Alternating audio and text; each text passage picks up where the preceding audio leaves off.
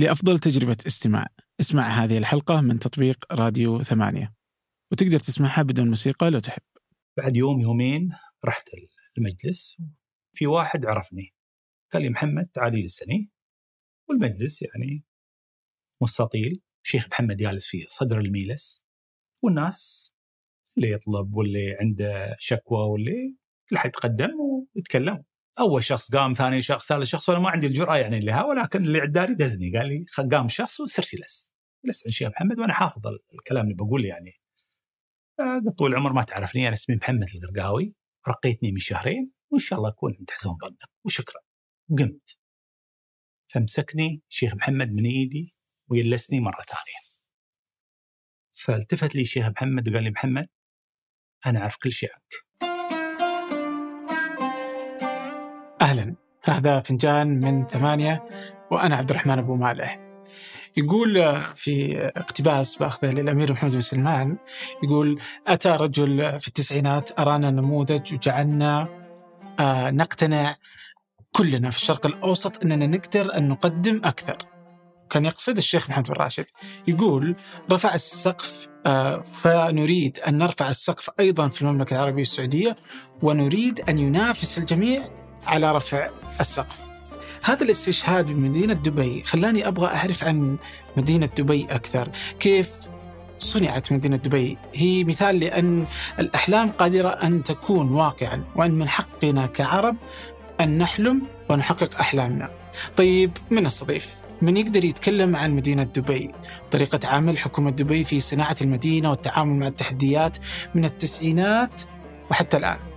قلت فيه الشيخ محمد بن راشد لكن هذا صعب. فحاولت أبحث عن شخص رافق الشيخ محمد بن راشد في هذه المرحلة.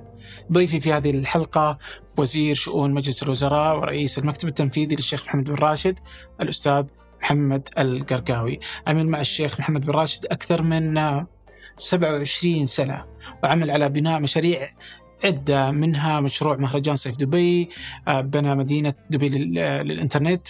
مدينة دبي للإعلام وغيرها من المشاريع والتجربة الطويلة.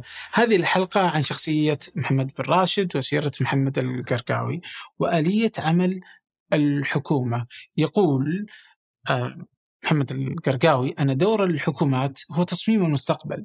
فكيف تستشرف الحكومات المستقبل؟ وكيف تراهن على فكرة مشروع؟ كيف تتحول الاستراتيجيات من على ورق إلى واقع؟ قبل أن نبدأ فيه برنامج رائع جديد أنتجناه في ثمانية. هو برنامج اسمه سياق هذا البرنامج يشرح أشياء من حولنا ويضعك في يضعها لك في سياق. ليه؟ الإنسان ينتمي للهجتك داخل البيت تختلف عنها خارج البيت. كيف بدأت الكفالة في الخليج؟ وليش الحكومات تبغى تتخلص منها؟ كثير من المفاهيم اللي يتساءلون فيها مع أخصائي مع علماء وباحثين. الوصف البرنامج موجود في وصف هذه الحلقة. أما الآن لنبدأ. شفت فيديو كنت تتكلم فيه كيف كان قبل الاتحاد وإنكم رحتوا في زيارة. كنت رايح من دبي لأبو ظبي. آه وين كنت رايحين؟ هاي رحلة أعتقد تقريبا يمكن خمس سنوات. خمس سنوات؟ يعني مثل الحلم كانت الرحله هاي عادة في منطقتنا ولا فريجنا اللي ساكنين فيه دائما شباب الفريج عندهم رحلات مناطق جبلية البر وفي سيارات جيبات نسميها لاند روفر المفتوحة كانت. يعني في السنة مرتين ثلاث عندنا رحلات سواء لمناطق مثل راس الخيمة أو مناطق ثانية، فأذكر هاي الرحلة قبل الاتحاد كانت. يمكن ثلاث أربع سيارات لاند روفر كشفات رحنا في رحلة من دبي إلى أبو ظبي من أبو ظبي إلى العين ومن العين إلى دبي. الرحلة هاي كانت مثل الحلم لي أنا. لأن أطول رحلة أقوم بها سيارات أغلب الطرق كانت غير معبدة بين المدن الثلاثة هذه وطويلة كانت في يمكن أسبوعين خذنا في الرحلة هاي. بالنسبة لي أنا هالرحلة تشكل نظرة زمنية لرحلة الإنسان. اليوم أنا على نفس الشارع اللي أخذناه إلى أبو ظبي مكاتبي في أبراج الإمارات اللي تطلع على شارع الشيخ زايد اللي عرضه اليوم يمكن سبع ثمان حارات من كل جهة على نفس الشارع اللي أخذته وأنا طفل إلى العاصمة أبو ظبي قبل الاتحاد. اليوم فوق الخمسين سنة مرت. أنا موجود. الذاكرة الذهنية اللي أنا. الصورة الزمنية ما زالت مثل ما هي على نفس الموقع تقريبا اللي مريت فيه. اللي أنا تعكس هالرحلة يمكن بداية. بداية. بداية حياة. بداية رحله سعيده بداية بناء بداية عطاء بداية أول زيارة للعاصمه أبو ظبي قبل ما تكون عاصمة أيضا للدولة. إيش كانت تمثل لكم أبو ظبي وقتها؟ طفل صغير أنا مدينة ثانية. مدينة ثانية مكان ثاني. مكان ثانية مجرد لأن في حدود كانت ما أذكر الحدود تفاصيلها ولكن يمكن حدود بسيطة كانت أتصور أو ما أذكر التفاصيل لأني كنت صغير جدا ولكن أذكر أبو ظبي أذكر العين آه بين دبي والعين ما في شوارع في الردة. أوه. تمشي على على أراجيب نحن نسميها اراجيب زين. ورمل في النهاية واماكن فيها طلوع اماكن فيها ولكن كطفل كانت رحلة ممتعة رحلة جميلة كانت. آه خلال فترة زمنية حصلت معجزة. معجزة قائمة على دائما رؤية. قائمه والرؤية قائمة أيضا على عمل. كيف من دولة ما فيها طرق أو طرق بسيطة وبدائية جدا إلى اليوم وحدة في البنية التحتية دولة الإمارات الأفضل في العالم. ونحن في الخليج وفي العالم العربي اللي يعاني من مواضيع كثيرة جدا. يعاني من صراعات يعاني من عدم كفاءة تعليم يعاني من اقتصاده يعاني من هجرة بشرة معاناة كبيرة جدا. فأنظر للرحلة هاي بنظرة فلسفية دائما في حياتي وكل يوم أتأمل مكتبي الشارح هذا اللي أخذته وأنا طفل في النهاية. وذاكرة جميلة جدا ولكن أيضا تعطيني دافع للعمل تعطيني دافع أنه نعم ممكن نصنع أمور كبيرة جدا. يمكن تفكر في الحلم ولكن تعيشه أيضا كذلك في بصورة يومية في كل المشاريع فالحمد لله أعتقد أنا من الجيل المحظوظ في دولة الإمارات لأني عاصرت الحقبة اللي قبل الاتحاد عاصرت الاتحاد وعاصرت ما بعد الاتحاد قيام الدولة ككل. يوم كان الاتحاد كم كان عمرك؟ سنة 71 أنا مواليد 63 22 7 63 تقريبا يمكن ثمان سنوات يعني في الحدود كان ولكن كنت صف ثاني ثالث آه، أذكر بداياته يعني أذكر بداياته ولكن الذكرى الأولى كانت لي أنا مع الاتحاد لما رفعت العلم. آه، أول رئيس عربي أعتقد زار دولة الإمارات كان جعفر النميري طلعونا كطلبة مدارس زار أعتقد أبو ظبي وزار دبي. طلعونا كطلبة مدارس لاستقباله. أه ودونا أعتقد منطقة بسيطة يعني شارع نايف تعتبر الآن مناطق تقريبا الشعبيه الآن بس أيامها كان يعني في شارع على الأقل موجود في هذا وقفنا حول الشارع كأطفال رافعين أعلام الإمارات والسودان كنت رافع علم الإمارات فهاي الذاكرة الأولى لي أنا إني رافع علم الإمارات لأول مرة. طيب آه، يعني مسيرتك ما كانت آه، مخطط لها إنك تكون آه، رجل دولة وزير ابدا. يعني أحس يعني بالنسبة لي وأنا أقرأ في سيرتك يعني كنت لاعب كرة قدم. آه كرة طايرة عفوا. كرة طايرة. يعني وش وداك الطايرة يعني؟ ليش؟ يعني طالع أنا أعتقد طالع مسيرتي أنا أشوفها جميلة لأن لأن مسيرة مواطن إماراتي. شاب إماراتي عادي آه، دخل المدرسة الحكومية. قبل الحكومية درس عند مطوعة. مثل أي واحد في الإمارات من جيلي أنا في المنطقة في الحي اللي فيه دائما في مطوعة. زين فدرسنا عند مطوعة. هاي تعتبر في الزمن هذا آه، اللي ما قبل المدرسة آه، روضه ولا ف فدرسنا عندها متعة الحياة. كانت جميل الحياة لأن مريت بمراحل جميلة أشوفها. من أجمل مراحل أنا محظوظ. لهذا دائما أقول أنا في العملية محظوظ. درست مدارس حكومية. مدرستنا الأولى كانت آه، مدرسة عمر بن الخطاب. في منطقة في دبي في ديرة اسمها فريج المرار. في الشتاء مع الشمال دائما البحر يدخل علينا المدرسة. حصل إجازة أسبوع أسبوعين. واستمرت استمريت في المدارس الحكومية آه، طوال حياتي. آه، لعبت نعم كنت لاعب طايره في النادي الأهلي. لأن أخواني وعائلتي كلهم في النادي هذا. وكان لي شرف الانضمام نلعب في منتخب الإمارات أيضا لكرة الطائرة. فعملت يمكن علم الإمارات على صدري وأنا صغير. فدائما تبى تفوز في منافسة في عطاء في حماس. آه، هاي مرتبطة بك تم معك طول الحياة على فكرة. آه، بعدها ابتعثت في الخارج درست. رجعت مرة ثانية. عام كم؟ سنة تقريبا 82 82 أمريكا. أمريكا. رجعت اشتغلت في وظائف حكومية. اشتغلت في وزارة المالية آه كمدقق حسابات بعد التخرج لمدة يمكن شهور بسيطة. وبعدين كان في مكتب في بلدية دبي، بلدية دبي كانت أكبر مؤسسة في دبي. الأكبر.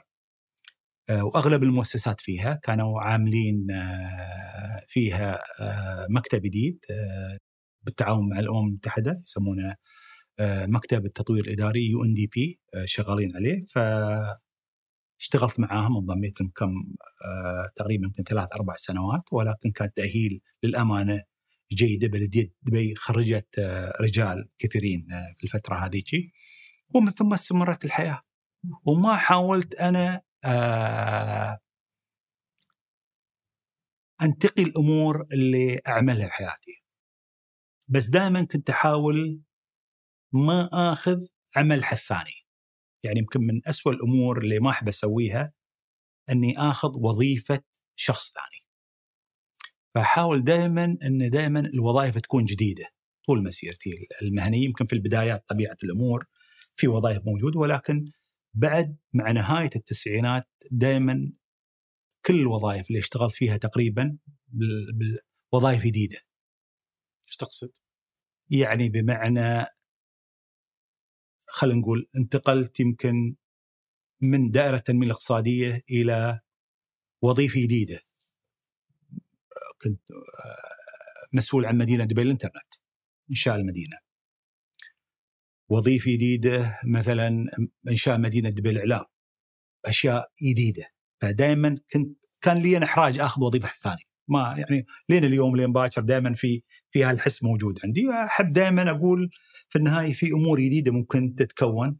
فطول حياتي أحاول دائما أسوي شيء مختلف. ولكن ممني عن الأمانة. يعني محظوظ أنا قيادة شيخ محمد. يعني في فترة زمنية من حياتي طريقة غير مقصودة تماما زين تواجدت وعملت من ضمن فريق الشيخ محمد. الشيخ محمد تركيبته، الشيخ محمد بطموحه، الشيخ محمد آه، بفكره رجل مستقبلي ويخاطر فكان سنويا ينقلني من وظيفة إلى أخرى بصورة تقريبا سنوية. من وظيفة إلى وظيفة ثانية. محظوظ أني كنت في هالوظائف تعلمت أمور كثيرة. العمل مع الشيخ محمد آه، عمل متعب. نشيط جدا. حرك آه، دائما يطلب الأفضل ودائما يفكر في ما بعد العمل اللي سويته. فدائما يحركك من مكان لمكان. فأنا أعتقد وجود قيادة مثل الشيخ محمد تغير. أعتقد في ملايين من الشباب في العالم العربي مثلي. م. عشرات الملايين. الفرق الوحيد إن كنت محظوظ وجود الشيخ محمد اهني للي مارسته في حياتي. في يوم من الأيام كنت مدير دائرة الترخيص التجاري في دائرة التنمية الاقتصادية آه، في دبي. ودبي مدينة تجارية تعمل رخص تجاريه وكذا. بعد سنتين وكنت شاب صغير يعني بداية الثلاثينات آه، حصلت عرض من القطاع الخاص. كنت بتم في الوظيفة عرضوا يمكن ضعف الراتب وأكثر شاب صغير قلت خلاص بطلع قدمت استقالتي. الجميع تفاجأ عقب يومين في رسالة موقعة من الشيخ محمد. الشيخ محمد يعني توه مستوي ولي عهد. للاماره دبي الاماره دبي بترقيتي للشخص الثاني في دائرة الاقتصادية. جميع تفاجأ كالعادة يعني الأمور هاي تحصل يمكن داخليا من الشيخ محمد. يوقعها. بس لي أنا الرسالة كانت واضحة. إن الرسالة خلاص تم. في المؤسسة الحكومية في دبي ورسالة الشيخ محمد وسام. انه مرقني. من المذهب عندنا يعني لازم تروح وتشكر صاحب السمو على الترقية. وأنا يعني ما ما لي يعني ما رحت في حياتي ميلس الشيخ محمد قبلها. الله يرحمها الوالدة قالت لي محمد يعني عرفت الموضوع إنه صرت شكرت الشيخ محمد؟ قلت له أمي لا ما شكرته. ليه؟ يعني له رهبة وما متعود على أجواء المجلس وقد ما يعني من من هالناحية الأمانة يعني ما بعد شهر كان في الصيف أذكر الموضوع فردت سألتني مرة ثانية أبوي شكرت الشيخ محمد؟ قلت لها لا ما صرت فقالت لي عيب لازم يصير تشكره المهم بعد يوم يومين رحت المجلس وأول مرة لي أنا في المجلس وكان مجلس زعبيل القديم مش فدخلت المجلس مسموح لاي أحد يدخل؟ آه مفتوح للجميع. فدخلت المجلس أول مرة بعد سبحان الله رب العالمين في واحد عرفني قال لي محمد تعالي للسني والمجلس يعني مستطيل. شيخ محمد جالس في صدر الميلس. والناس اللي يطلب واللي عنده شكوى واللي كل حد يتقدم ويتكلم. فهذا الشخص الطيب اللي جالس عدالي قال لي يوم بيقوم الشخص هذا روح يجلس عداله وقول الطلب اللي تبعه. أنت جاي كمواطن عادي بيسلم كمواطن على- عادي الحين. أنا ما أعرف إن الشيخ محمد يعرفني ولا ما يعرفني يعني. آه. أنا واحد من آلاف ال- ال- الشباب في دوائر حكومة دبي. المهم أول شخص قام ثاني شخص ثالث شخص وأنا ما عندي الجرأة يعني لها ولكن اللي عدالي دزني قال لي قام شخص وصرت جلس جلست عند الشيخ محمد وأنا حافظ ال- الكلام اللي بقوله يعني. آه، قلت طول العمر ما تعرفني أنا اسمي محمد القرقاوي رقيتني من شهرين وإن شاء الله أكون عند حسن ظنك. وشكرا. قمت. فمسكني الشيخ محمد من إيدي ويلسني مرة ثانية. المجلس هذا التفت. تعال شو القصة؟ بين الش- الشيخ محمد شمعنا سحب محمد ويلسه فالتفت لي الشيخ محمد وقال لي محمد أنا أعرف كل شيء عنك. يعني تعرف أنت في هذيك اللحظة وأول مرة أنا سويت. وبروتوكول المجلس والناس تطالعك وتقول يعني شو يا ابني فطلب واحد في الميلسا قال ازقروا مع- معضد ومعضد ما كان موجود. وخلاني جالس عداله ويخلص الناس بالجهه الثانية عقب فترة ها معضد طلبوه من بيت من وين وصل. إيش كنت تفكر وقتها لين جاء؟ ما ما أعرف ال- الحين أنا أنا طالع جالس مثل حلم يعني بالنسبة لي أنا. الشيخ محمد يلسني قال لي اعرف كل شيء عنك. شاب في بداية الثلاثينات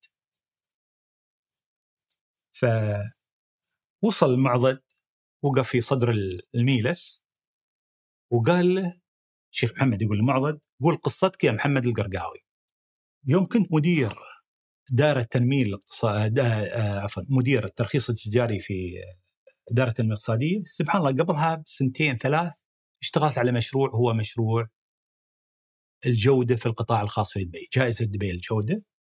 اخذت بعض الكورسات في في اذكر بنك المشرق وتعلمت بعض الممارسات الإدارية في موضوع الجودة. لما ترقيت على منصب مدير إدارة ترخيص تجاري كان في خوف عندي أنا من المنصب نفسه. المنصب أوقات هالمنصب ياخذ الناس لمستوى معين، لأن الناس محتاج تنه. الإنسان لازم يهذب نفسه.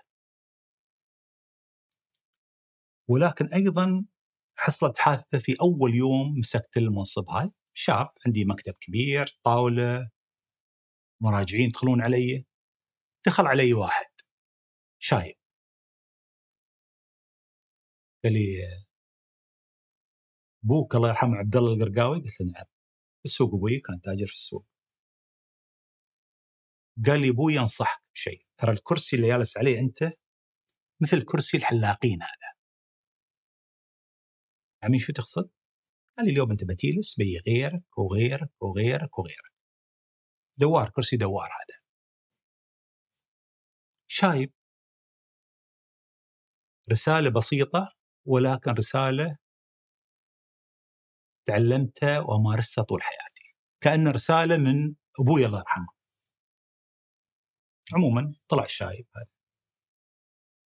من يومها من سنة تقريبا نتكلم أنا يمكن 95 أو 94 ما عندي طاولة في المكتب م. قررت أني أشيل الطاولة وإني اهذب نفسي كشخص وبيني وبين أي عميل عندي طاولة مستديرة أو أي لسياه على سوفا مثل أي إنسان ثاني. نصيحة قد تكون بسيطة جدا ولكن عميقة جدا عشان الإنسان الحياة ما تأخذه. ولكن عقبها سوي شيء ثاني. عشان أهذب نفسي نزلت عندنا كان طابق ثاني مختلف اللي فيه جميع الكاونترات للموظفين. كان فيه 150 موظف مع المراجعين مع كنت أجلس مع المراجعين بصورة يومية. صوره يومية جالس مع المراجعين. فجزء من كانت عملية الجودة ان تخلص الإجراءات تطور الإجراءات ولكن أيضا تعرف احتياجات الناس تخلصهم في نفس الوقت ولكن الحياة فلسفة والحياة حكمة.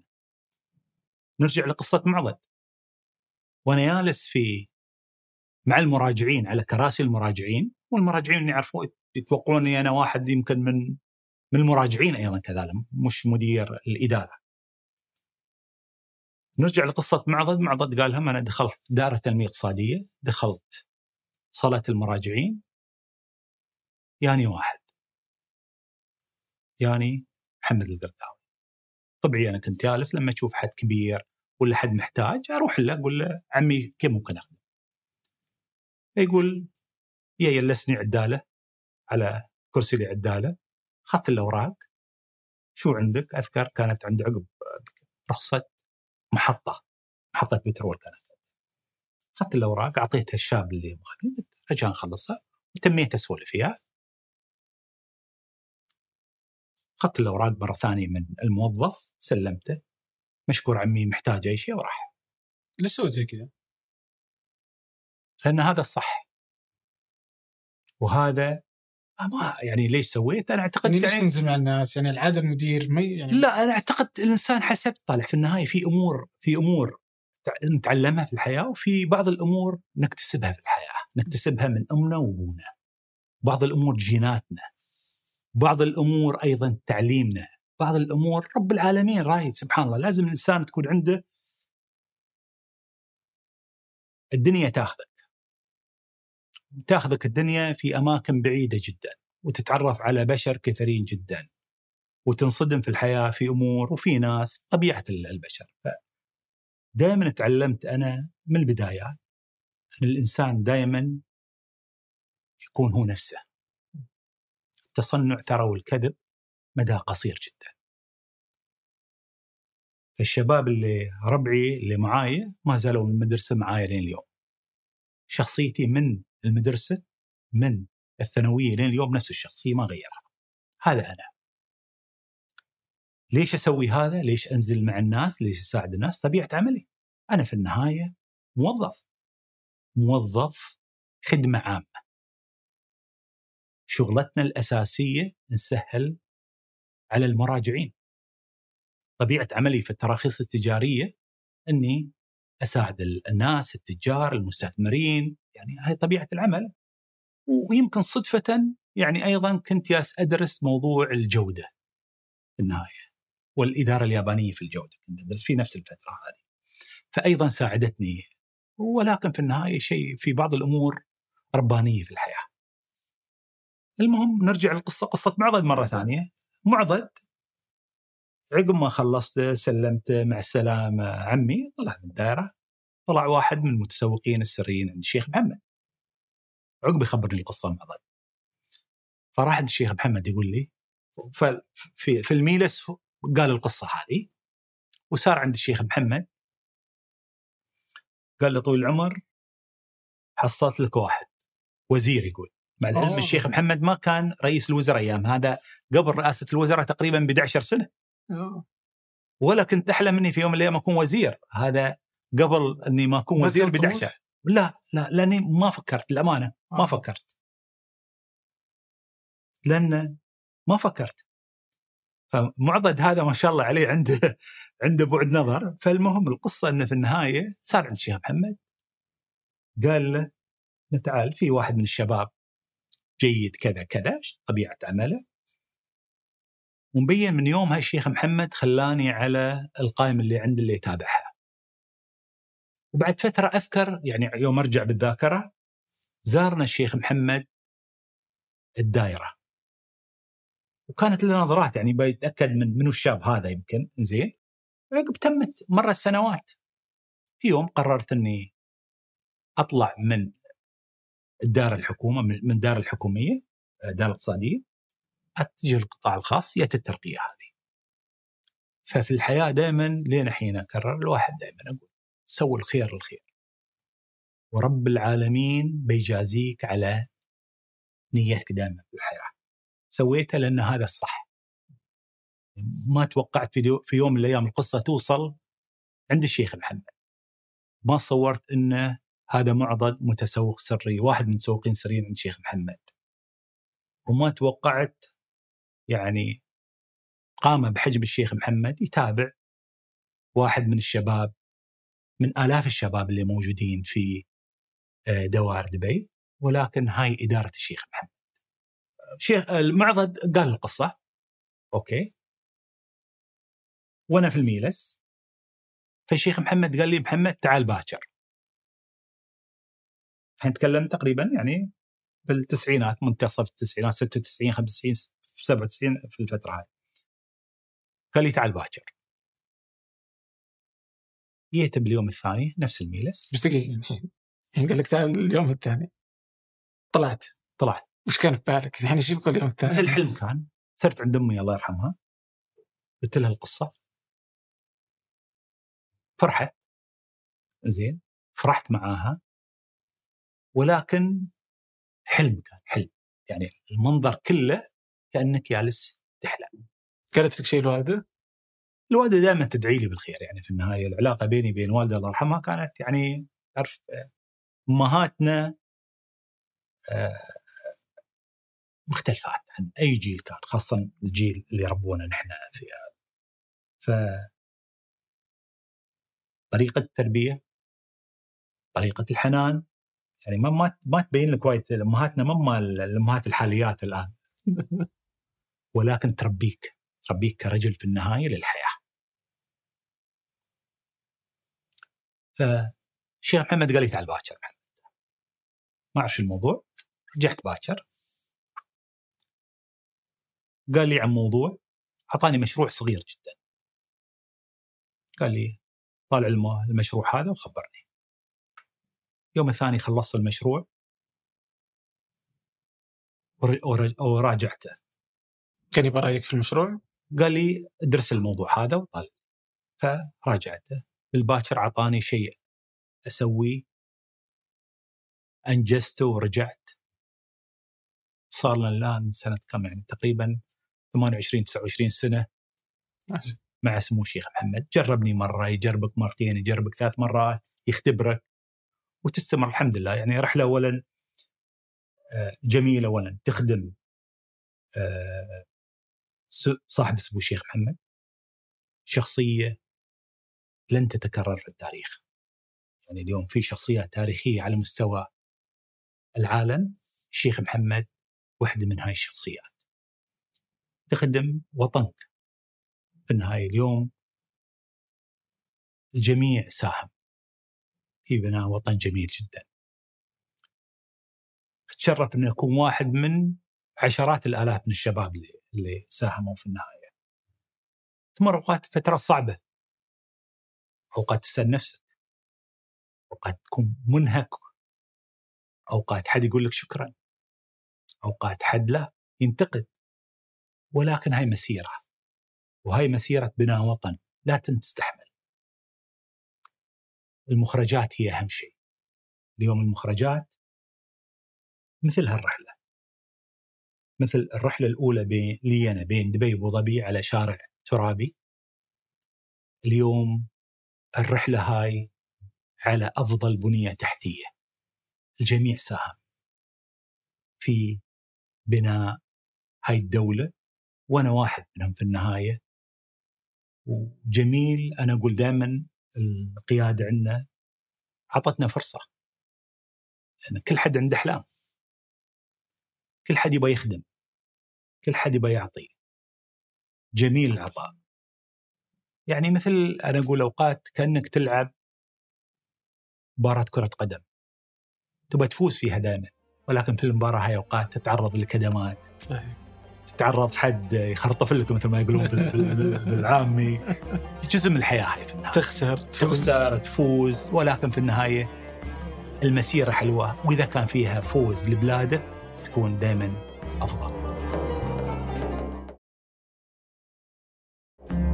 طيب أنا ودي أقتبس من آه، الأمير محمد بن سلمان كان آه، مرة قال آه، أتى رجل في التسعينات أرانا نموذج وجعلنا نقتنع كلنا في الشرق الأوسط أننا نستطيع أن نقدم أكثر. الشيخ محمد بن راشد. آه هذا الرجل واضح إنه ينظر له كل ال- ال- خصوصا في المنطقة بانه رجل صنع المستحيل. ودي أعرف أكثر عنه وأنت اللي اشتغلت معاه كل هذه السنين 27 سنة أو أكثر آه فودي أعرف من هو آه الشيخ محمد بن راشد. كنت حاضر كلمة سمو الأمير كان في مؤتمر مستقبل الاستثمار بالرياض. صاحب سمو الشيخ محمد حضر المؤتمر هاي في فترة يمكن الكثيرين كانوا مكنسلين ألغوا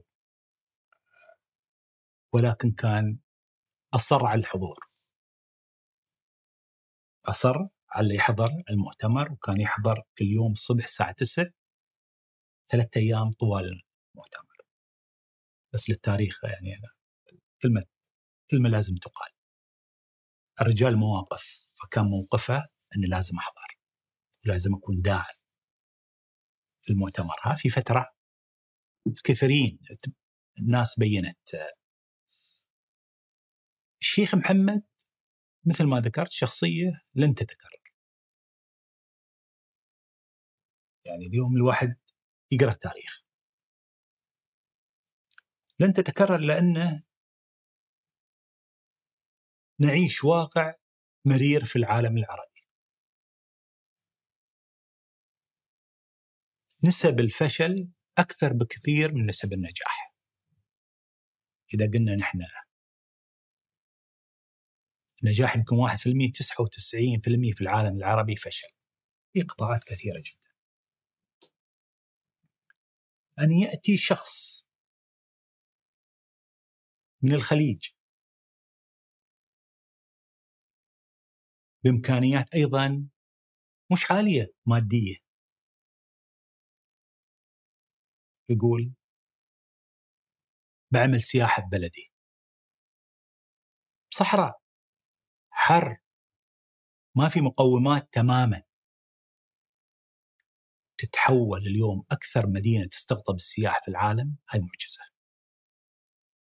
يوم قالها كان- كانوا الناس يعني يتوقعون إنه ممكن ولا؟ لا لا. اللي جنبه. هو يذكرنا قصة دائما الشيخ محمد كان مع بعض وزارة الخارجية بدون ذكر أسامي. أول مرة يقول طرحت عليهم الفكرة. تكون بداية الثمانينات يمكن. قال ضحكوا. قالوا الشيخ محمد يعني معقول هالتفكير بيونك الخليج في النهاية بيئة طاردة ما عندنا شيء ما عندنا فنادق ما عندنا مطارات. أن يأتي رجل ويحول مطار في مدينة عربية لأكبر مطار في العالم؟ مش في الوطن العربي؟ في العالم أكبر عن مطار هيثرو؟ المعجزة.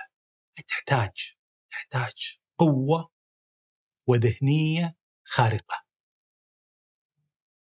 يعيد تشكيل قطاع الطيران على مستوى العالم. بعد طيران الإمارات قطاع الطيران في العالم تم إعادة تشكيله. الطائرة ما صارت طائرة مملة. الرحلة مو مملة. أعاد تشكيل قطاع الطيران. لما تطالع أنت البعد يعني ساحل دبي بسيط ما يتعدى يمكن 50 60 كيلو سواحلها. واليوم عندك 88 مينا على مستوى العالم. هذا تحتاج واحد جبار يشتغل ليل ونهار يؤدي هذا. لما تعيش في منطقة فيها مشاكل اضطرابات طائفية عرقية دينية مذهبية ويخلق لك نموذج الناس ممكن تعيش مع بعض بدون مشاكل. هذا شيء حضاري من موجود أيضا في الغرب. الشيخ محمد أعاد تشكيل العقل في العالم العربي وعاد بناء الثقة في إنسان المنطقة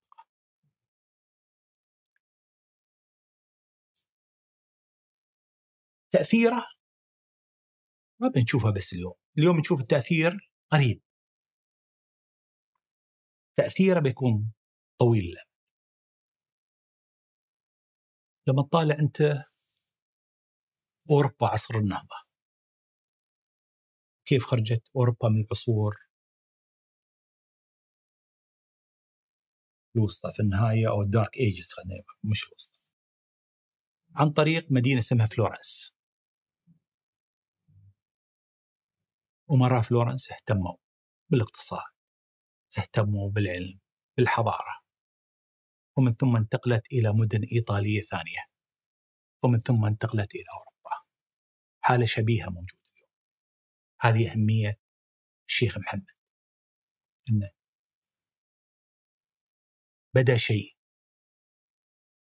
بدا شيء يعيد تشكيل المنطقة يعيد تشكيل اقتصاد المنطقة. الأهم ثقة الإنسان بالمنطقة. اليوم نموذج اللي خلقه هو النموذج الناجح. أنا أقول في نماذج في المنطقة فشلت. الأمريكان يو العراق خلقوا نموذج. يعني تم احتلال العراق بالكامل. يا الجيش الأمريكي احتله بالكامل. إدارة أمريكية بريمريه بالكامل.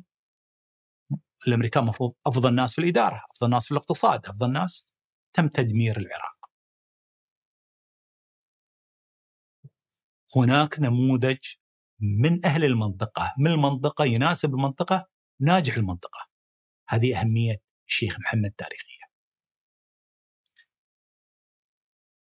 كلام سمو الأمير محمد بن سلمان في مؤتمر مستقبل الاقتصاد لأن الشيخ الأمير سمو الأمير محمد سلام قاري جيد التاريخ فاهم ويقدر طموح الشيخ محمد واللي يعمله للمنطقه في النهاية. اليوم خلينا نقول قطاع الفضاء. في العالم العربي نتحدث عن الفضاء وبنبعث أقمار الفضاء من من الخمسينات لما ترجع الجرايد اليوم بعثنا أول مسبار للمريخ. أول أقمار صناعية تبنى بيدي شباب عرب. اليوم أول رائد فضاء في محطة الفضاء الدولية. لدينا مهمة إلى القمر ولدينا أيضا مهمة إلى حزام الكويكبات. أبعد مسافة الإنسان يوصلها في المنطقة. قطاع الفضاء قطاع جديد قطاع صعب الشيخ محمد يسألونه ليش الفضاء؟ قال لأنه صعب لأنه صعب لأنه في النهاية احتمالات الفشل عالية. ولكن تركيبتي يحب التحدي. كان مجموعة الشباب ولكن الحمد لله اليوم تم تنفيذ استراتيجية طموحة جميع الشباب وسماه مسبار الأمل. ما سماه مسبار الإمارات ولا مسبار بسمه ولا قال لا. ابى أعطي أمل للشباب العربي. هذا تجرد الشيخ محمد وهاي نظرته وهذا عزمه. ولكن في نفس الوقت شيخ محمد إنسان رحيم. حنون. القيادة قائمة على مقومات في الحياة. إحنا نشتغل ليل ونهار. نشتغل يعني صار لي معاه زين نطلع الصبح نرجع في الليل. ولكن ممتع العمل في النهاية خلق التحدي هذا ممتع لأنه في النهاية دائما الشيخ محمد يقول فريق عملي. فخورين نحن لما يقول فريق عملي. فخلق أسلوب إداري جديد حتى في الوطن العربي، في العالم العربي مع الأسف الأساليب الإدارية قديمة يعني اي مدير يذم اللي قبله واللي بعده يعني في النهاية كل حد يلعب دور البطولة والبطل. ما في حد ناجح إلا المدير اللي في في الوقت هذاك. غير المفهوم. ما زالوا بعض المدراء موجودين على فكرة ما أقول لهم كلهم اختفوا زين ولكن غير المفهوم هذا غير يعني في حداثية في الإدارة لا وما نقول نحن متميزين ولا ولا ولا وصلنا لا بعدنا عندنا عيوب. يقول دائما نبغى نحسن نبغى نطور. عبد الرحمن يمكن في لحظة تاريخية أنا دائما أرجع لها في في في دبي من الناحية الإدارية. يعني يمكن في دائما في أشياء تغير واحدة يمكن من المشاريع الأولى اللي اشتغلت سمو الشيخ محمد عليها كلفني بها كان موضوع برنامج الأداء الحكومي في حكومة دبي، كيف نحسن الأداء الحكومي في دبي؟ كانت في يمكن 96 97 تقريبا، يمكن أول مشروع. طالع النظريات اللي في في في الجودة قبلها كنا على جائزة دبي الجودة اخذنا من من اليابانيين خذنا من الأمريكان بعض الممارسات آه، ومن ثم حولناها إلى ممارسات حكومية. طورناها لممارسات حكومية. كان أول حفل. وأول حفل عملناه في بيت الشيخ سعيد المشتوم يد الشيخ محمد في منطقة الشندقة منطقة تاريخية في دبي. وكان الحفل منقول على الهواء تلفزيونيا والجميع حاضر جميع المسؤولين. كل الناس اللي في دبي يعني في النهاية حفل موقوع. تكريم أفضل دائرة أفضل مدير أفضل آه، قطاعات احتفالية. في نهاية الحفل الشيخ محمد راح على البوديوم منصة والقى كلمة. تكلم شكر كذا كذا. وعقبها قال شيء اللي غير أعتقد مجرى الإدارة في دبي. قال لهم اليوم بعلن نتائج من الأسوأ. من الآخر. منو آخر؟ فتم يعد أسوأ دائرة. دائرة حكومية. أسوأ دائرة حكومية في دبي. ثاني أسوأ دائرة حكومية في دبي. واللي بعدها واللي بعدها صمت.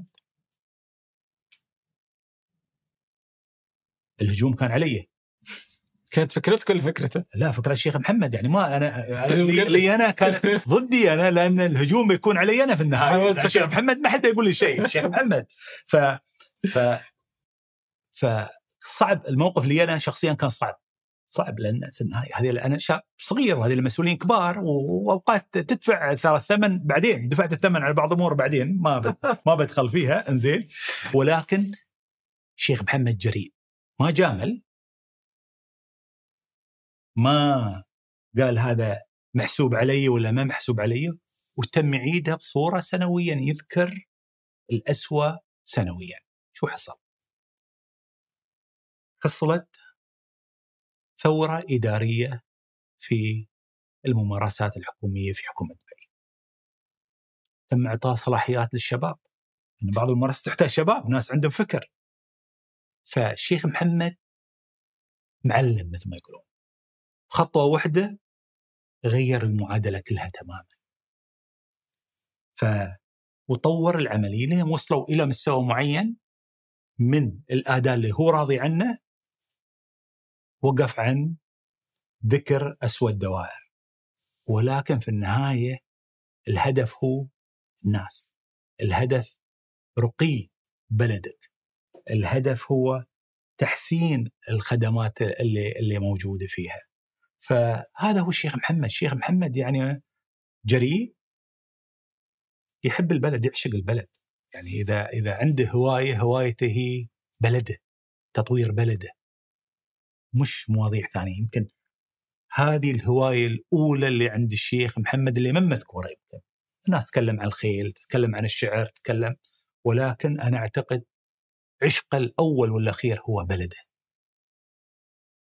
بس برضو كانت في من الهوايات الأخرى مثل الخيل والشعر والكتابة وش كانت تعني له الهوايات؟ كيف تاخذه من وقته من العمل؟ أه شيخ محمد بكثير أفضل عنا نحن كنا في موضوع تقسيم الوقت. اساله كيف؟ يعرف ينظم وقته بصورة كبيرة جدا. يمكن أنا سيء في موضوع تنظيم الوقت شخصيا أتكلم. هو عارف لما هو في المكتب هو في المكتب 100% لما هو مع الخيل مع الخيل 100% يمكن الحين في ممار... شيء مرادف إداري being in the now يعني قبل سنتين في كورس كان ولكن شيخ محمد صار يطبقه من زمان. لما في الخيل هو في الخيل. فأعتقد جزء من تركيبته أيضا وصفاء ذهنه هو لكل قطاع هو موجود فيه بنسبة 100% بالشعر بالشعر 100% وحافظ يعني ما شاء الله حافظ آلاف الأبيات خاصة للمتنبي يعني الواحد يقول الأمانة دائما يردد وحافظ حافظ ما ما عندنا نحن القدرة على الحفظ الكبير بس حافظ عنده مخزون كبير من يعني الأبيات الشعرية. أه وش روتينه اليومي؟ شيخ محمد طالع دائما يصحى من وقت. ودائما يمكن أول صباحه آه مع الخيل أو يقرأ. دائما فعنده صفاء ذهني أول الصبح ولكن طول اليوم مثل ما يقولون هي يعني هو دائما رجل ميداني رجل موجود بين الناس. يمكن قراراته أقرب إلى الواقع. يعني في النهاية اليوم لما كل ما تكون على أرض الواقع أنت أقرب الأمور اللي الناس تعانيها وتشوفها بصورة يومية. فموجود هو مع الناس يعني تلاحظه يسوق بروحه مطاعم عادية مع الناس ممارسة قديمة هي يعني ما ما غيرها ما فاذكر مرة واحد من يمكن من 60 منت يسأله قال يعني ما تشوف وايد حراس حولك و قال طالع في النهاية فيقول له منو حراسك؟ فقال له حراس الشعب يعني أنا ليش أخاف منهم في النهاية؟ فعندها الفلسفه فلسفة إنه في النهاية هو يشتغل فترة طويلة يقدم للبلد. الناس هذه الأهلة الزوار يحبون اللي موجود في في البلد. وفي النهاية التركيب اللي موجودة عنده هذه. وش أكثر شيء يستفز؟ يحب الإنجاز. شيخ محمد يحب الإنجاز. يتعصب منك؟ لا والله طول هالسنين الحمد لله يعني أنا قد ما أقدر زين يعني يمكن نشتغل فترات طويلة ونحاول أن يعني كأن أخوك الكبير. تحاول دائما تكون صح. تضغط على عمرك قد ما تقدر. دائما تكون صح. طبيعة الحياة أنت لما تسوي 20 شيء في شيء ما بيطلع مثل ما يبغى. في شيء بيطلع. ولكن الشيخ محمد يعني حكيم وحليم أيضا كذلك. أه، وأكيد في ناس تسوي أشياء وفي ناس تغلط، كيف يتعامل مع الأخطاء؟ الناس حازم الشيخ محمد في أخطاء يعتمد على الأخطاء. يعتمد على نوع الخطأ أيضا، فالشيخ محمد حازم أنا أقول لك من البداية لما كان أي مسؤول ما يقوم بعمله كان على طول يمشيه. ما في يعني ما في سواء كان من هلا ولا بعيد. من البداية. ما كان يجامل. وما يحب يجامل. وصريح وكيف يختار القادة؟ كيف يختار الناس اللي حوله؟ أعتقد كل مرحلة في أسلوب مختلف، يعني مرحلتي أنا المتسوق السري آه، طبيعة الأمور يمكن في مرحلة معينة في ناس جربهم م.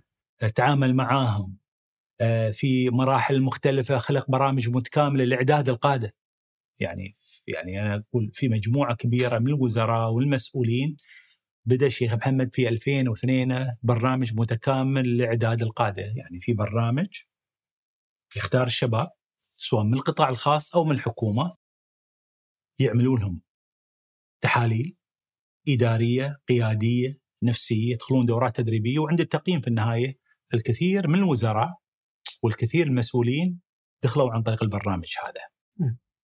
آه يعني لما تسمع وتقرأ لشخصيات آه، عظيمة في التاريخ أو ناس آه، أنجزت إنجازات كبيرة. يعني تحاول تستلهم كيف هم يسوون أشياء. فيجي في بالي مثلا آه، في الاجتماعات مثلا. أتذكر جيف بيسوس يقول أنا ما كل اجتماعاتي أسويها وأنا واقف عشان ناخذ وقت قصير ونمشي. وتلقى كل عنده فلسفته في الاجتماعات وطريقتها. كيف الاجتماعات؟ وأكيد إن الاجتماعات جزء مهم ويأخذ من وقته كثير. فكيف فلسفته في الاجتماعات؟ الشيخ محمد دائما ما يطول في الاجتماعات. يعني التحضير خلينا نقول إحنا في في في حكومة دولة الإمارات. في مجلسين مجلس الوزراء والمجلس الوزاري. جميع الأمور اللي فيها تفاصيل التفاصيل تناقش في المجلس الوزاري رئاسة سمو الشيخ منصور بن زايد. ترفع التوصيات لمجلس الوزراء، مجلس الوزراء هو مجلس سياسات. طبيعة الأمور الشيخ محمد مشاغل كثيرة. خلال السنوات الماضية مر بتجارب كثيرة أيضا كذلك. فاسلوبه سريع يتخذ قرار يفكر في الموضوع اللي بعده يوازن بين الأمور كلها ولكن أيضا نظرته دائما مستقبلية. ميزة الشيخ محمد دائما ما يفكر في اليوم. اليوم اللي سواه خلاص انتهى.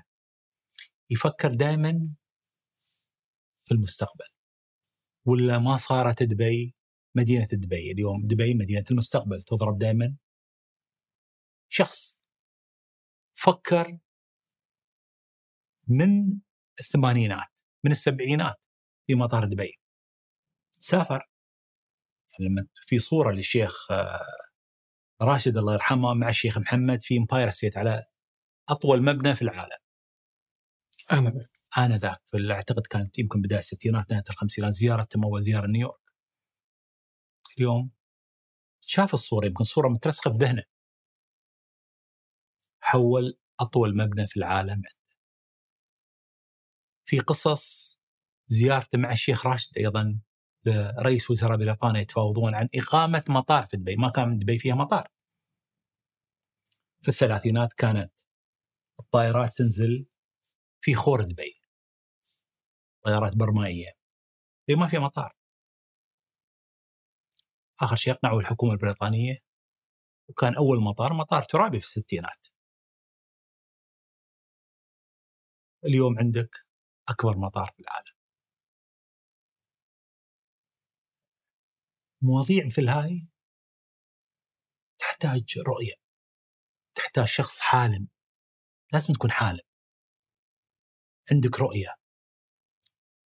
طموح جدا ولكن لازم تشتغل على أرض الواقع ولا ما بتحول هالرؤية والطموح والحلم إلى واقع. شيخ محمد إذا حلم يتم صاحي لين ما يتنفذ الحلم. ويحوله إلى واقع. واقع اليوم عايشينه. واقع نشوفه كل يوم واقع يجيب العالم. ما حد كان يعرفنا. صح ولا لا؟ ما حد كان يعرفنا. أذكر أذكر مرة طالع من ميشيغان إلى فلوريدا سنة يمكن 83 وفي highway واحد I-75 south. تطلع ثلج ميشيغان توصل فلوريدا. فوقفت أذكر في أتلانتا. 83 حطيت بترول. فش. الموظف اللي يسألني where are you from؟ وين أنت؟ قلت له من من الإمارات. فيقول لي في up north شمال أمريكا. ما حد كان يعرف بلادنا. أتكلم عن الثمانينات اليوم بوجود مدن عصرية أبو ظبي دبي الشارجه عمان بوجود شركات عالمية. ترى الإمارات الاتحاد موانئ دبي العالم صار يعرفنا. يعرف بالضبط وين بلادك يعرف أهمية بلادك ويعرف تأثيرك أيضا على العالم.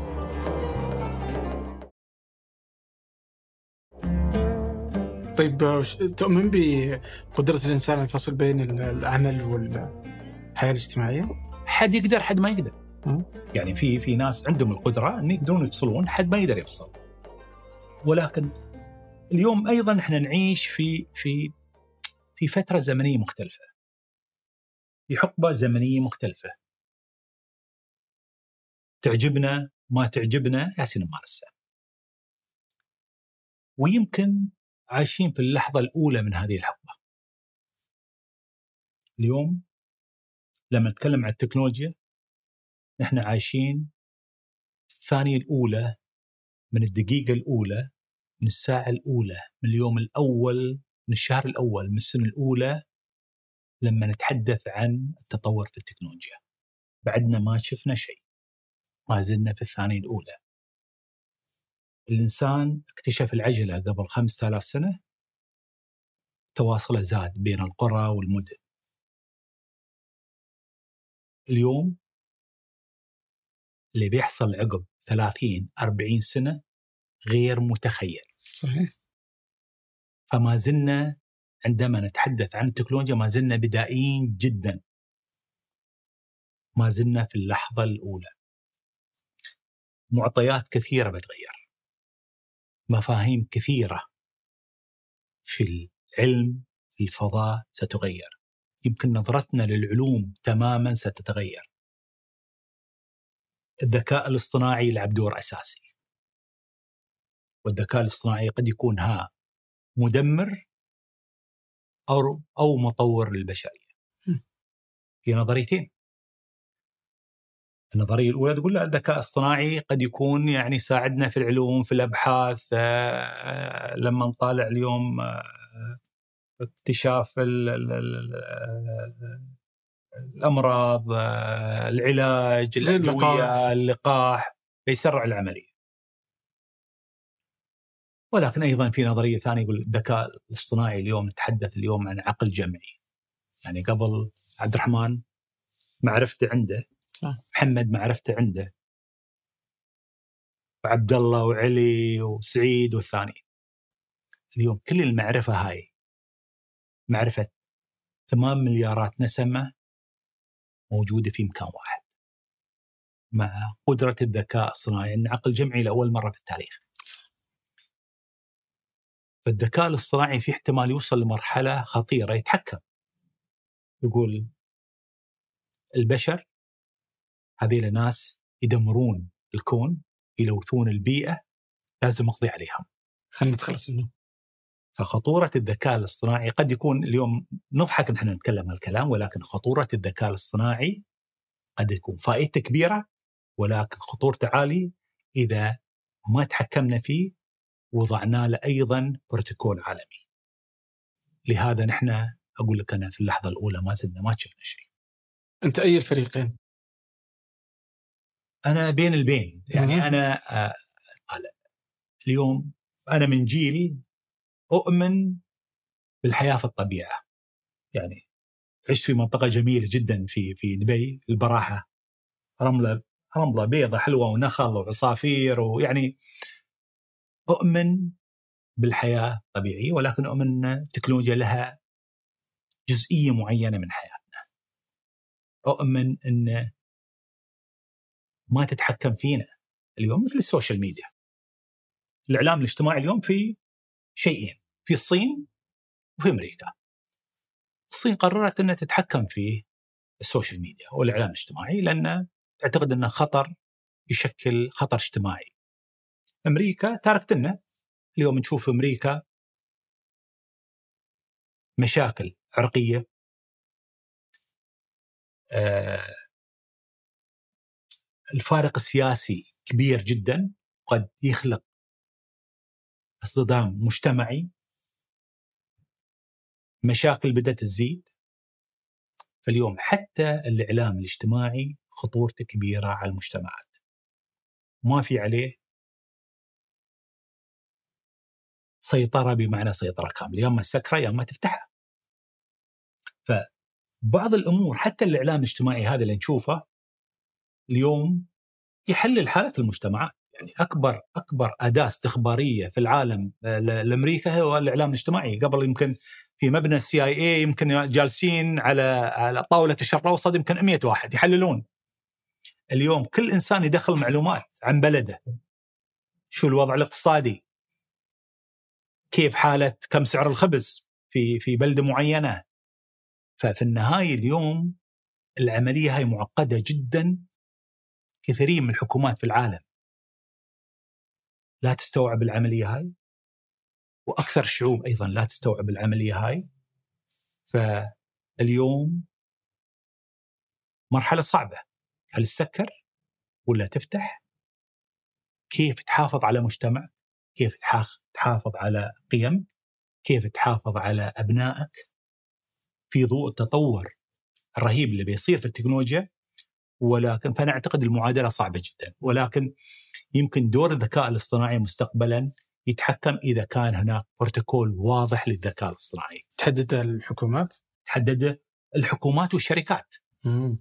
مستحيل بس الحكومات، أنا أعتقد الحكومات أخلاقيات معينة، الحكومات والشركات موجوده، أوروبا تحاول في بعض القطاعات في بعض القطاعات مش القطاعات كلها، الصين عندها نظرية الخاصة، أمريكا فيها نظرية خاصة، وأنا أعتقد والخليج إيش مفترض يسوي؟ أنا أعتقد الخليج ما زال ما زال في البحث. العالم العربي كله نتكلم اليوم مو بالخليج، أنا أتكلم العالم العربي اليوم كله ما زلنا كعالم عربي متلقين في النهاية. ف والأمور بتتغير بصورة كبيرة جدا. مع الأسف أيضا أنا أعتقد دور الأسرة مهم في العملية هذه. يعني اليوم أعرف أن كثيرين في السيليكون فالي يعني يمكن أصحابنا في شركات التكنولوجيا. مجموعة كبيرة منهم ما يسلمون أولادهم هواتف. ما يسلمونهم. أو إذا سلموهم في سن معين. عالم العربي مع الأسف من سن صغير. الطفل يتغدى وقدام الهاتف يطالع جزء من. فخطر العملية في النهاية. ويجي التحدي اللي هو دور الحكومات برضو لأن وأنت تقول هنا ان دور الحكومات إنها تصمم المستقبل ودي أتكلم عن تصميم المستقبل.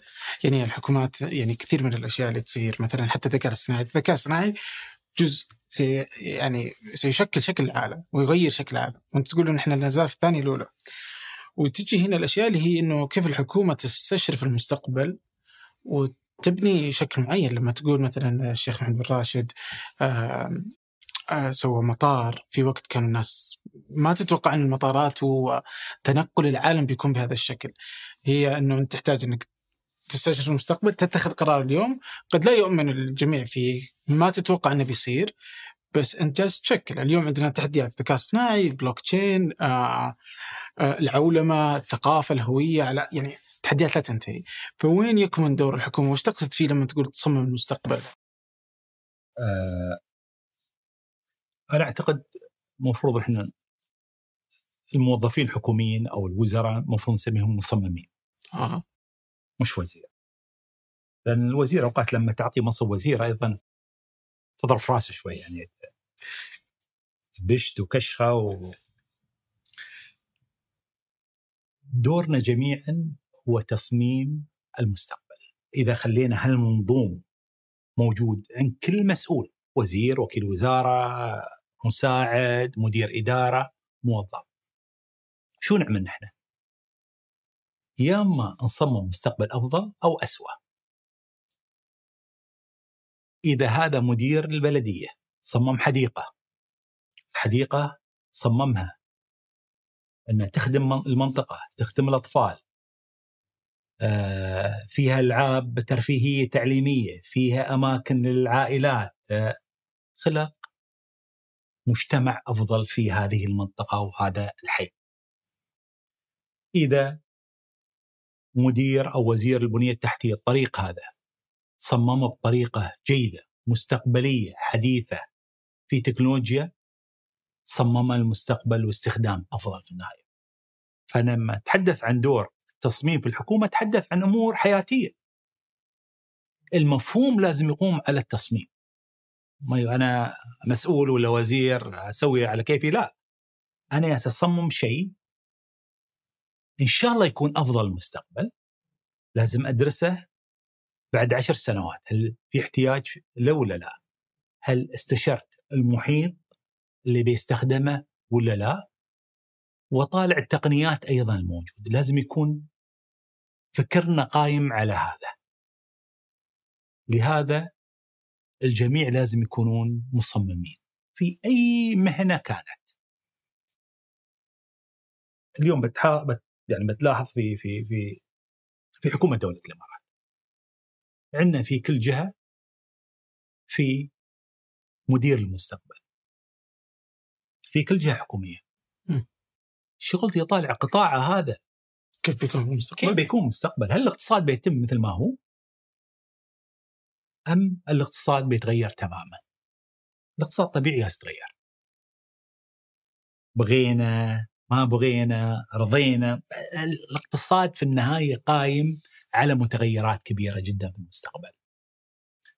هل قطاع الطيران بيتغير مستقبلا؟ هل القطاع التعليمي بيتغير مستقبلا؟ هل نحتاج 12 سنة دراسية؟ ف يعني التعليم بيتغير. كنا أطفال يمكن الصف الأول يعطونا أربع كتب الصف الثاني آه، خمس كتب الصف يعني في السنة تقرأ أربع كتب خمس كتب ست كتب لين وصلت يمكن ثانويه يمكن تسع كتب قريتها طول السنة. هذه المعرفة اللي كنت تتلقاها أيامها. اليوم كمية المعرفة اللي يتلقاها الإنسان كبيرة جدا. هائله أي كتاب تباه تحصله. أي معرفة تباها تحصله. فايضا أنا أعتقد التعليم بيتغير مستقبلا. هل التعليم بيكون قائم على 12 سنة أو 11 سنة؟ لأن التعليم قائم على المعرفة. نرجع مرة ثانية للذكاء الاصطناعي. قد يكون الذكاء الاصطناعي مستقبلا يحدد بناء على شغف المعرفة اللي عندك وتدخل يوميا أنت وتدخل جوجل وتدخل المواقع الثانية وتبحث و... يقول تعال عبد الرحمن هذا عبقري في التاريخ ولكن عبقري في التاريخ الفرعوني من الأسرة الرابعة مثلا. فالذكاء الاصطناعي ممكن يساعد أيضا في اكتشاف قدرات ومواهب ناس. يمكن علي متميز بناء على الذكاء الاصطناعي. في قطاع معين في الفيزياء قطاع معين في الفيزياء. فأنا أعتقد يوم نقول تصميم المستقبل كيف نستخدم نحن الأمور العلمية لخدمة المجتمع لخدمة الحكومات لخدمة الاقتصاد. هذا قصدي أنا. فالمتغيرات سريعة جدا خلال العشرين سنة القادمة. هل المجتمعات بتستوعب هالمتغيرات ولا لا؟ ما أعتقد كل المجتمعات بتستوعب. في مجتمعات بتستوعب بصورة كبيرة. حكوماتها تيها. في مجتمعات بتدخل في أزمات. اقتصادية، أزمات اجتماعية، أزمات طائفية عنصرية لأن أوقات اليوم أيضا جزء من كثرة المعلومات هاي أو البوستات أيضا تخلق مشاكل، الناس خلاص صدق أي معلومة تتيها. فالعالم داخل أيضا مرحلة شوية غامضة في الفترة القادمة. آه، دورنا قد ما نقدر نفهم المتغيرات هذه. متغيرات قريبة المتوسطة والبعيدة. في أمور بتغير المعادلات اللي موجودة تماما. في أمور بس أنت تتهيأ لها قبل غيرك. اليوم خلينا نقول نحن ننظم شيء اسمه القمة العالمية للحكومات. وفي مخرجات معينة من من القمة طلعت. في القمة نحن نطالع راوي الحكومات كيف بيكون مستقبل الصحة، التعليم، القطاعات في 2019 واحدة من الجلسات اللي كانت عندنا كانت جلسة مع منظمات الصحة العالمية. اسمها ديزيز إكس المرض إكس في مرض جاي فيروس جاي 2019 وكان مدير عام منظمة الصحة العالمية موجود وكثيرين من وزراء الصحة ومختصين في علم ال Disease X الفيروسات وال وجلسة كانت أن يعني في النهاية بديهيا في شيء يحصل على التنقل على المتغيرات على فمجرد إنك عندك المعلومة وحضرت الجلسات وعرفت إنه في احتمالية في احتمالية يمكن 10% 20% ما حد يعرف في شيء بيجي وشو وكيف ممكن تستعد لها كانت لك الافضليه هذا هو التصميم والاستعداد للمستقبل. ف قيس على قطاعات ثانية. قطاعات التنقل. زين. هايبر لوب هل بنستخدمه ولا لا؟ زين تدرسه. أوكي. كقطار تدرسه. قابل للتحقيق قابل. كلفته عاليه نعم كلفته عاليه حاليا. يمكن يتطبق عقب 10 20 سنة.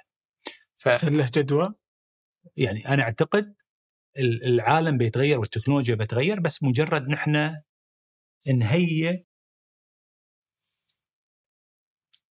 الوزارات والهيئات على المرونة هاي اللي ممكن تحصل مستقبلا. كيف تقدر تهيئهم؟ يعني مثلا إذا جينا للتعليم مثلا آه، ما تغير من عشرات اذا ما مئات السنين يعني هو نفس التعليم نفس الطريقة والناس تشتكي من نفس الطريقة سواء كل الحكومات وكل المفكرين والعلماء يعني يقولون إنه في مجال للتغيير في مجال للتغيير هذا يبدو إنه ما يفيد المعرفة اليوم عن الإنترنت أصبحت أكثر من يعني اللي الناس تستفيد من الإنترنت أكثر وأكبر مما يتم في المدارس.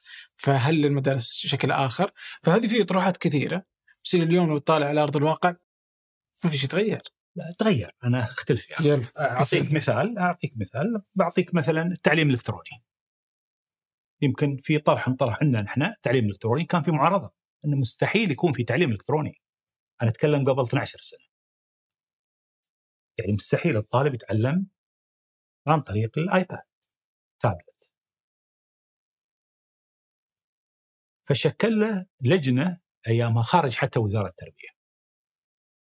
التعليم الإلكتروني وميزانية منفصلة.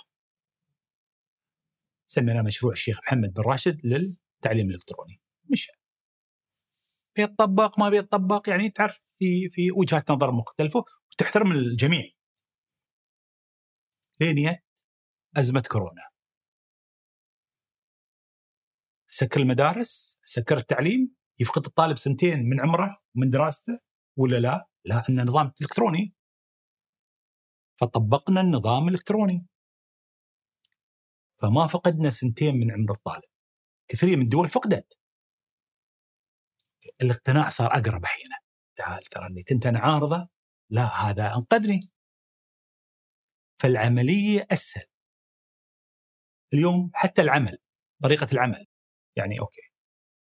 جت كورونا سيئة جدا ولكن أيضا كورونا خلقت ديناميكية مختلفة. تعال. العمل. اليوم لازم الواحد يسافر. كان سابقا عفوا يسافر عشان يعقد اجتماعات.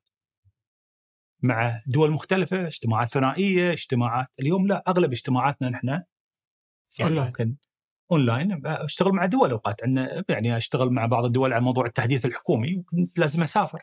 قبلها بيوم عقبها بيوم كلفة معينة فنادق كذا. اليوم تغير المفهوم. بس ما زلنا في البداية ما زلنا في الثانية الأولى. الثانية الأولى أتذكر. أتفق معك. قيس على اليوم قطاع الطب هل أسير العيادة ولا أنا في البيت وأكلم دكتوري ممكن اقيس الحرارة يعرف الأمراض مستقبلا عقب خمس ست سنوات بياخذ كل الأشياء يعرف بالضبط ف هل سهلت حياة الناس؟ صممت حياة أفضل الناس ولا لا؟ ولا اسوء الناس؟ فنقيس على جميع الأمور في الحياة. مظاهر العملية هاي كلها ان دائما بتعامل مع آلة، الشخص موجود ولكن خلف الآلة. تركيب البشرية قائمه على الإنسانية. ضروري جدا دور الحكومات هي المواضيع الإنسانية والاجتماعية وانسنه الأمور كلها في النهاية. طيب آه يعني لما تتكلم عن العمل عن بعد في نقطة يعني آه ويجي هنا على تصميم المستقبل. العمل عن بعد واحدة من الأشياء اللي بعد كورونا أصبح جزء من العمل ونشوف أنه شيء إيجابي. آه. بس مثلا كيف تنظر له آه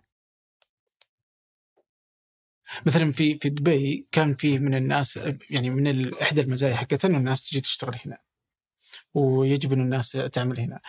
هل لما يصير في العمل عن بعد تشوفونه بجانب آخر تجي تقول طيب الآن أصبح الناس يقدرون يشتغلون برا دبي، دبي غالية زي مثلا لما نقول في سان فرانسيسكو الناس ما صارت تقول أنا ما أحتاج إني أسكن في سان فرانسيسكو فأنا أسكن في أي مكان ثاني وأقدر أكون موظف في شركة موجودة في سان فرانسيسكو فما يحتاج الناس إنها تروح، هل هذا شيء يشغل البال؟ كيف تفكر فيه الحكومة بالجانب هذا يعني؟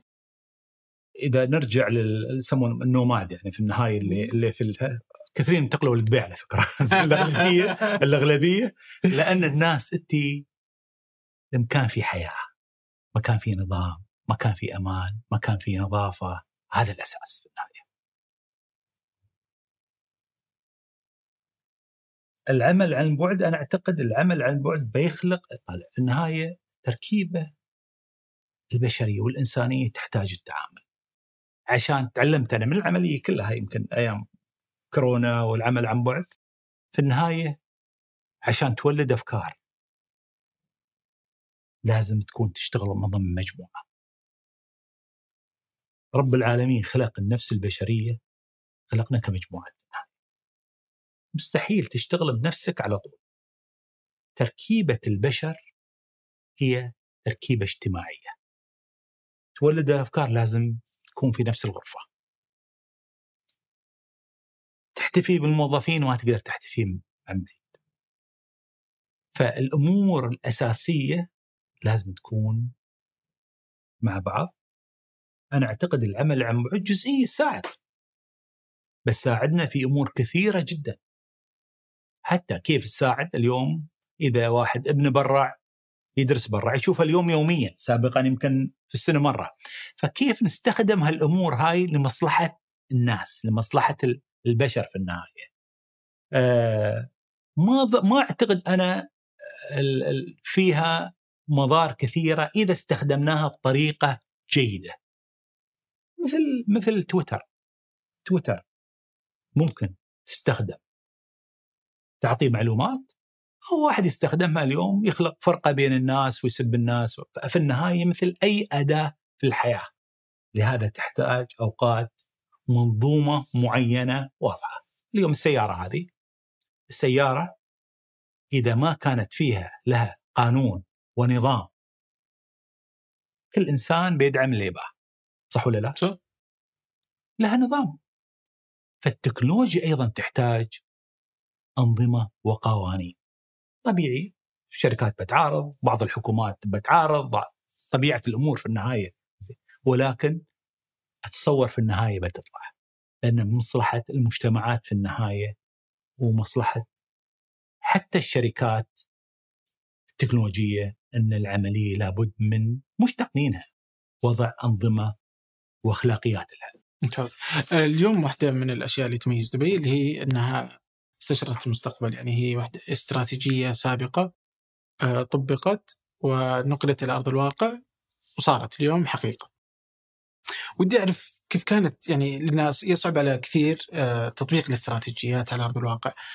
آه، وش اللي يخلي أحيانا الاستراتيجيات مجرد إنها كلام؟ يعني لأنك إذا حتى في بداية حديثنا كنت تقول إنه في كثير كانوا يقولون نبغى نغير تلقى الدول كثير عندها تكون استراتيجيات خمسية وغيرها بس يندر إنها تطبق على أرض الواقع، وش اللي خلى استراتيجية دبي تنتقل إلى واقع يعيش الناس؟ أنا أعتقد اولا ممكن توضع استراتيجية ولا رؤية يعني موضوع السنوات المتغيرات فيها عالية جدا خاصه سنواتنا الآن لما نقول أنا 20 سنة اعتبرها خمس سنوات لأن المتغيرات سريعة اوقات فلازم استراتيجية تكون فيها مرونة عالية جدا مع المتغيرات. أنا أعتقد أي استراتيجية إذا ما كانت فيها مؤشرات اداء واضحة وقابله للقياس ما تنجح. يمكن تجربة آه الإمارات فيها مؤشرات أداء واضحة، الشيخ محمد دائما عنده الشيخ محمد اعطيك بسيط عنده داشبورد يقيس أداء جميع المسؤولين لحظيا. اليوم كل مسؤول عنده مؤشرات أداء مطلوب منه أشياء معينة. أوكي في استراتيجية. أباك توصل من دبي للرياض صح ولا لا؟ أوكي ولكن بقيس يوميا أنت وين واصل؟ هل وصلت ولا بعدك تحوط؟ ف وجود مؤشرات آداء مهمة جدا KPI نسميها فيمكن ممارسة قديمة مارسناها موجودة والقيادة تتابع وتقيس الآداء اليوم كل مسؤول عنده جهاز يبين له شو مستواه بصورة يومية يوميا. يوميا. هل هو اليوم رقم 10 ولا رقم 20 ولا الأول؟ بس ما يعرف الأسامي اللي قبله واللي بعده. آه. الشيخ محمد عنده قياس الآداء عارف إنهم بالضبط. هم عارفين إن القيادة تابع. المواضيع كلها. في أمور بسيطة ولكن أعتقد موضوع المرونة موضوع أيضا واقعية الاستراتيجية. في استراتيجيات يعني يبونك يمكن يجيك أفضل كونسلتنت في العالم يعطيك استراتيجية قائمة على يسحب لك من من الشلف موجود حتى في الهند. زين. زين. يعطيك استراتيجية قد تبين جيدة. ولكن ما تناسبك أيضا. ما تناسب قيمك. ما تناسب آه، بلدك. ما تناسب بيئتك. ما تناسب محيطك الاجتماعي الكبير والسياسي اللي حولك في النهاية يمكن تدخلك في في متاهات. فايضا واقعية الاستراتيجية. وجيد دائما أقول الاستراتيجيات أبناء البلد يشتغلون عليها. لأن في النهاية طالع في مثل بالإنجليزي يقول الاستشاري هو الشخص اللي يقول لك يطالع ساعتك ويقول لك الساعة كم. ما حد يعرف وضعك إلا نفسك. صحيح. في بعض الأمور التقنية نعم ممكن ولكن في الأمور الأساسية التوجهات العامة أنت تعرف بالضبط وين رايح. متى تشتغل طيب مع الشركات الاستشارية؟ ما نشتغل وايد للامانه. ليه ما يعجبونك؟ لأن أعتقد شبابنا ما شاء الله عليهم كفاءة عالية. عندنا واحد أتكلم بصراحة أنا أؤمن بال بالشباب أؤمن يمكن أوقات يؤخذ علي ان إن عندنا كثير من الشباب ما عندنا ما عندنا شركات استشارية كثيرة ولكن من تجربتي طالع الاستشاري بي بيطالع شو عندك وبيسوق في مكان ثاني. أنا أعطيك على المختصر. اليوم ولد بلادك ولد بلادك. النو هاو عنده المعلومة عنده في مخه. طلع من الوزارة راح شركة مبروك على الشركة راح دائره مبروك على الدائره ولكن هاي فلسفتي أنا. أنا يعني أنا أنا كمحمد فلسفتي أؤمن ان اوقات أعتمد على شباب وبنات البلد. شباب أغلبهم جيل شاب أيضا كذلك. ونؤمن إن عندهم يعني ما في شيء يفرقهم عن أي إنسان ثاني من أي دولة ثانية. ما في. بالعكس يمكن عنده الإحساس المجتمعي أفضل عند غيرته على البلد. يعني في النهاية في العمل عمل حكومي إذا ما في وطنية ما في هالحس إن هاي بلدك وتغار عليها كل يوم. وإذا شفت تمشي في في الشارع في الممر وشفت كلينكس طايح الشيل بإيدك ما تحب بلادك. ف ضروري ما حد يسويها إلا اللي يحب البلد في النهاية. يمكن فلسفتي غلط يمكن نظرتي يمكن لازم نستعين أكثر بشركات استشارية بس أنا أنا وجهة نظري هاي الشخصية من تجربتي إنزين. أه وأوقات يعني أوكي بتجيب بتجيب شباب تدربهم أصعب. صح. بتجيب شخص عنده خبرة 30 سنة مثلا من شركة استشارات أسهل العملية ولكن ما عليه في ضريبة تدفعها لصالح بلدك بالنهاية.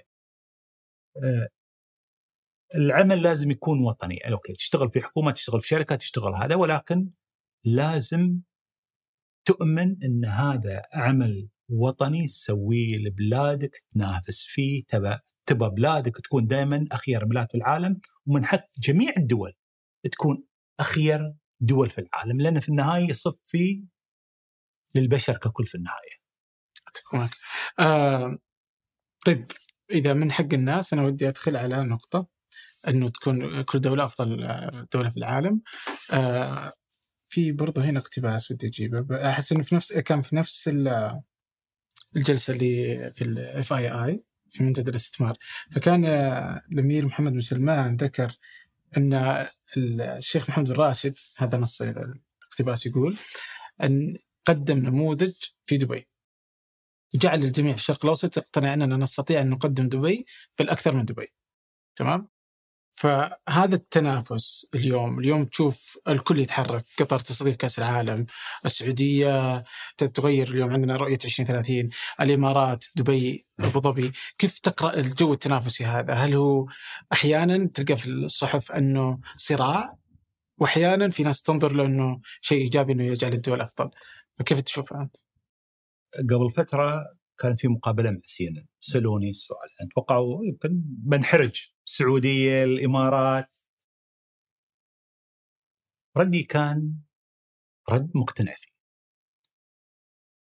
اليوم في عالمنا العربي كلفة الفشل عالية جدا. كلفة فشل حكومات ودول عالية جدا. على الشعوب وأيضا على حكوماتنا على الإمارات وعلى السعودية. عالية جدا. اليوم موضوع المنافسة بين السعودية والإمارات وقطر وعمان والكويت والبحرين ومصر. هي لصالح الجميع. لصالح الجميع. لأن كلفة الفشل عالية. إيش تقصد كلفة الفشل عالية؟ اليوم إذا ما طورنا اقتصادنا كمنطقة الكلفة الاجتماعية عالية جدا. طالع الدول الفاشلة في المنطقة. اليوم عايشين نحن صراعات وحروب وأزمات في المنطقة. ليش؟ لأن في حكومات فشلت فشلت إداريا. فشلت في خططها الاقتصادية. فشلت مع مع مجتمعها. هل كلفت السعودية؟ هل كلفت الإمارات مبالغ عليه؟ عشرات المليارات. في النهاية لأن نحن عايشين من بنفسنا. لا المملكة العربية السعودية عايشة بنفسها ولا الإمارات عايشة في نفسها عايشين في منطقة. كل ما ارتقت دول المنطقة ارتقينا نحن معها.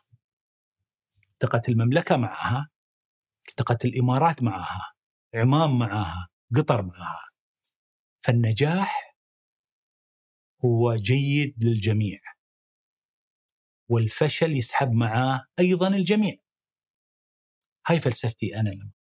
الآن كل واحد بيكون أفضل عن الثاني.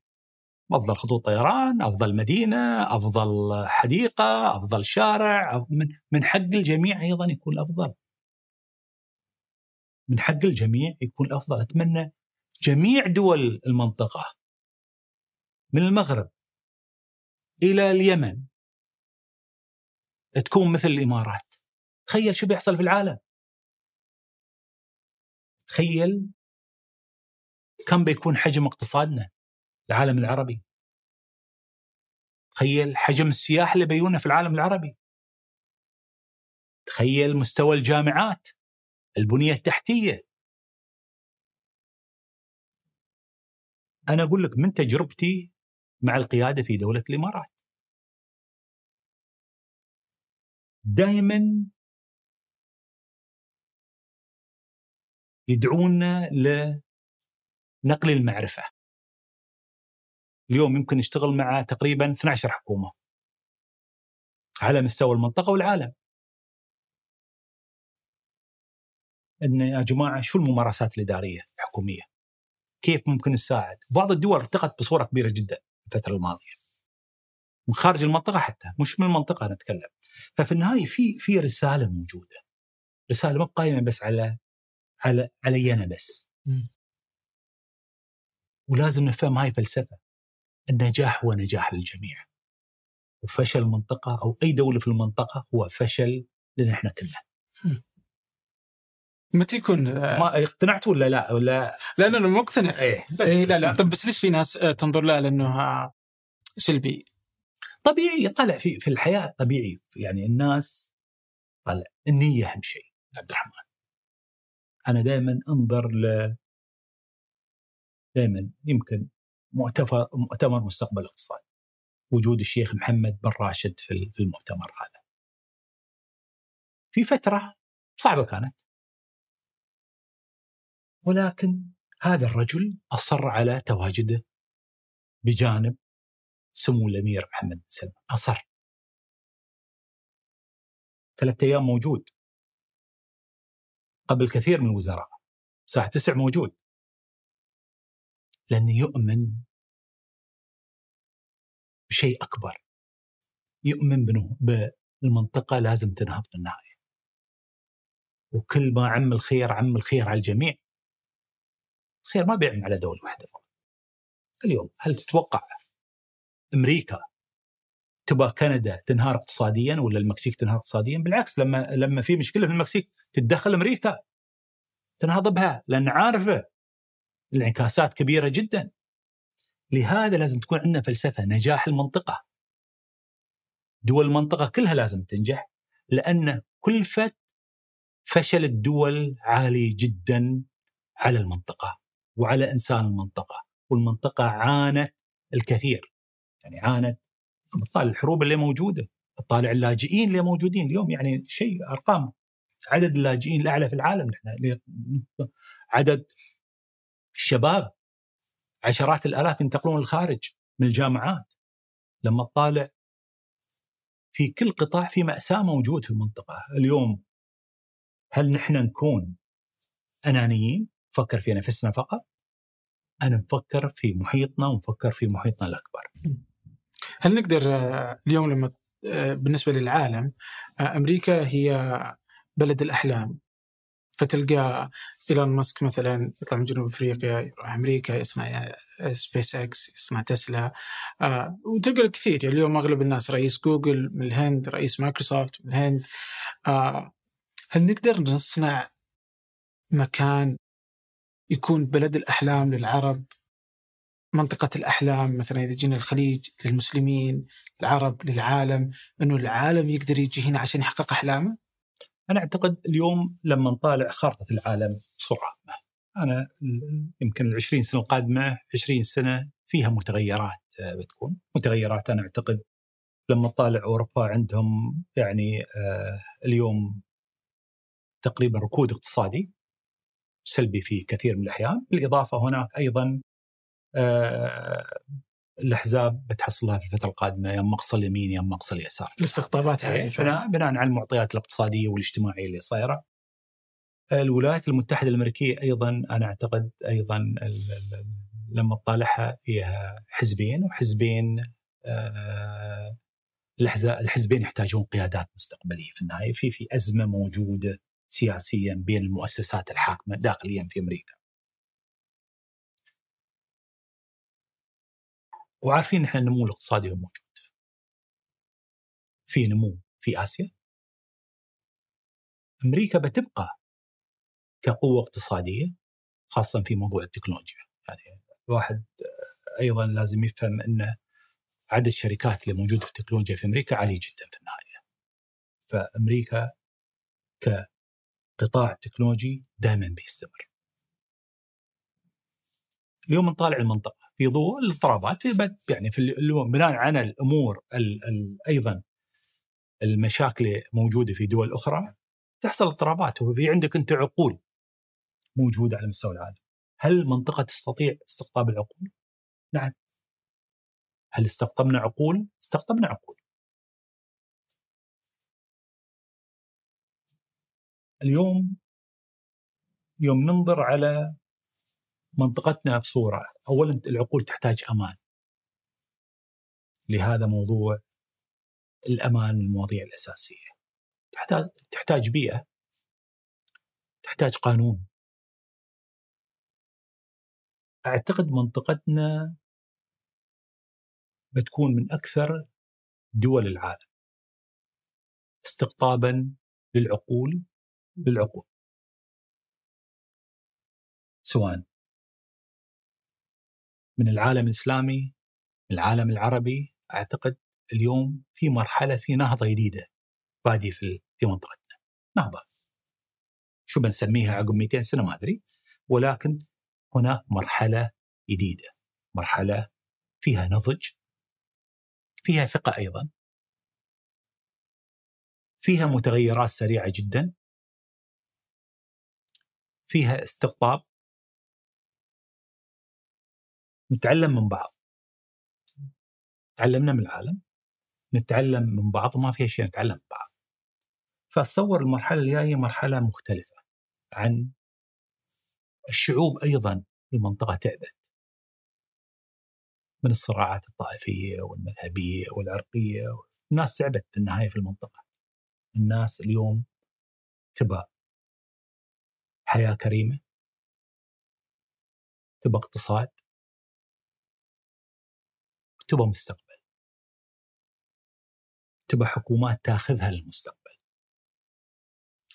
بس اليوم ليش اختفى من العالم العربي؟ آه، مشهد العلماء مشهد الناس اللي الناس تقدر تنظر لهم علشان أنا أكون جزء منهم. يعني نقدر نستقطب من برا بس ماذا عن صناعة الإنسان العربي؟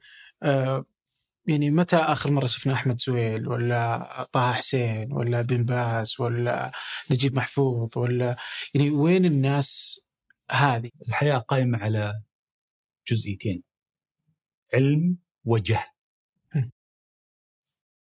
المرحلة العقود السابقة الجهل تفوق على العلم. لهذا طلعت داعش القاعدة وشخصيات. كانت أبو بكر البغدادي هو النموذج. لم تكن هناك نماذج أخرى. وين راح؟ المنظومة أعتقد اللي موجودة في العالم العربي. ما بسمي دول معينة. أنا في النهاية ما قامت على إبراز العلماء المبتكرين الموهوبين في فترة في حقبة معينة برزوا. برزوا. العشرينات الثلاثينات الأربعينات برزت. في فترة لا. راجعين مرة ثانية. أنا متفائل في المرحلة القادمة. أنا أعتقد في في اهتمام في طالع اليوم. إذا لم نصنع علماء وشباب موهوبين داعش وغيرها وغيرها بيصنعون لك أبطال. الشاب العربي محتاج نموذج. يا أما النموذج يكون أبو بكر البغدادي ولا عالم أو أديب. في تقصير في خلق. العالم يحتاج بيئة. الأديب يحتاج بيئة. بدأنا مشروع. بدأنا مشروع. نوابغ العرب. الشيخ محمد وجهنا وهي جالسين نخلق اليوم قاعدة من العلماء والنوابغ والأدباء العرب نحتفي بهم نبرزهم أعتقد جزء من رسالتنا الإنسانية هذه جزء من رسالتنا ضد الجهل الا نخلق مجموعة من الشباب على مستوى الوطن العربي. أوقات أوقات تقول إيش؟ تتعب أوقات في أيام بصراحة أقول لك تعال خليني أروح عند عيالي بدل ما أوصل المساء أوصل العصر على الأقل أشوفهم. ولكن تتعب يوم يوم الثاني تقوم وتدري إن دائما لازم تنظر للحياة بأنها أكبر عن نفسك. م. اليوم يمكن مشروع طرحه سمو الشيخ محمد هو مشروع تحدي القراءة العربي. دائما نحن نجلد الذات. العالم العربي لا يقرأ. العالم العربي ما أدري ست دقائق ست دقائق يقرأ، يعني موضوع كنا قارينه. وبعدين شو بنسوي على الموضوع؟ ما يقرون. ليش ما يقرون؟ هل حفزناهم؟ بدينا مشروع من حوالي تقريبا ست سنوات. مشروع قائم على اليوم موجود في أغلب الدول العربية. شاركوا فيه إلى الآن 78 مليون طفل عربي. 78 مليون. كل واحد يقرأ لازم يقرأ 50 كتاب في السنة. آه. صعبة لو تقول لي أيامها. يا محمد تعال. واقول الشيخ محمد تعال ما أقدر تعب. اليوم وصلنا لمرحلة الواحد فخور بالعمل هذا. مو مكلف على فكرة المشروع. ونعطي في استوت مثل اولمبيات للقراءة على مستوى الوطن. كل دولة تتنافس كل مدينة سوينا خلقنا نظام بسيط. كل قرية تتنافس مع الثانية كل مدينة كل مدرسة. وبعدين يستوي على مستوى الدولة هاي أفضل واحد في تحت وفي لجان وفي كذا. في أمل. طالع في أمل في عالمنا. أهم شيء إن ما نفقد الأمل. أهم شيء لازم نؤمن بأنفسنا. ونؤمن بوطننا. ونؤمن بالمنطقة وانسان المنطقة. العملية متعبة. متعبة. بتفشل أحيانا بتفشل. بينتقدك فلان بينتقدك. ولكن كله عند رب العالمين في النهاية. الحياة كلها لازم تؤمن إن عندك رسالة. ورسالتك أكبر عن نفسك. رسالتك لبلادك لقيادتك وللمنطقة والإنسانية بصورة. إذا عندك هالفهم الأمور بتتيسر. فبدينا في تحدي القراءة بركات الشيخ محمد وصلنا 78 مليون طفل يقرون ويحضرون سنويا وفي احتفال يحتفي بهم يحتفي بهم الشيخ محمد شخصيا. في ظلام في المنطقة في عدم تفاؤل في المنطقة أعطانا الشيخ محمد موضوع صناع الأمل. يعني يوم نقول نحن خلاص ما نشتغل في العالم العربي ما في أمل. ولا لازم نصنع نحن صناع الأمل. فبدينا مشروع جميل. ان ياسين نصنع صناع أمل. في كل قرية تعال. منو يسوي عمل خيري؟ منو يساعد؟ منو يساعد الأيتام؟ منو في التعليم؟ وأجمل احتفالية تقام آخر احتفالية يمكن حضرها 15000 واحد. في عالمنا شخصيات جميلة جدا. لازم نبرزها. لازم نحتفي بها. لازم نكرمها. وشغالين على كذا يعني مبادرة أيضا من مبادرات محمد بن راشد العالمية فأنا أعتقد التوازن الحمد لله التوازن اللي خلقه الشيخ محمد بين بين العمل وبين النجاح الاقتصادي وبين وبين أيضا العطاء موضوع مهم جدا. وأعطانا نحن توازن داخلي أيضا كفريق عمله.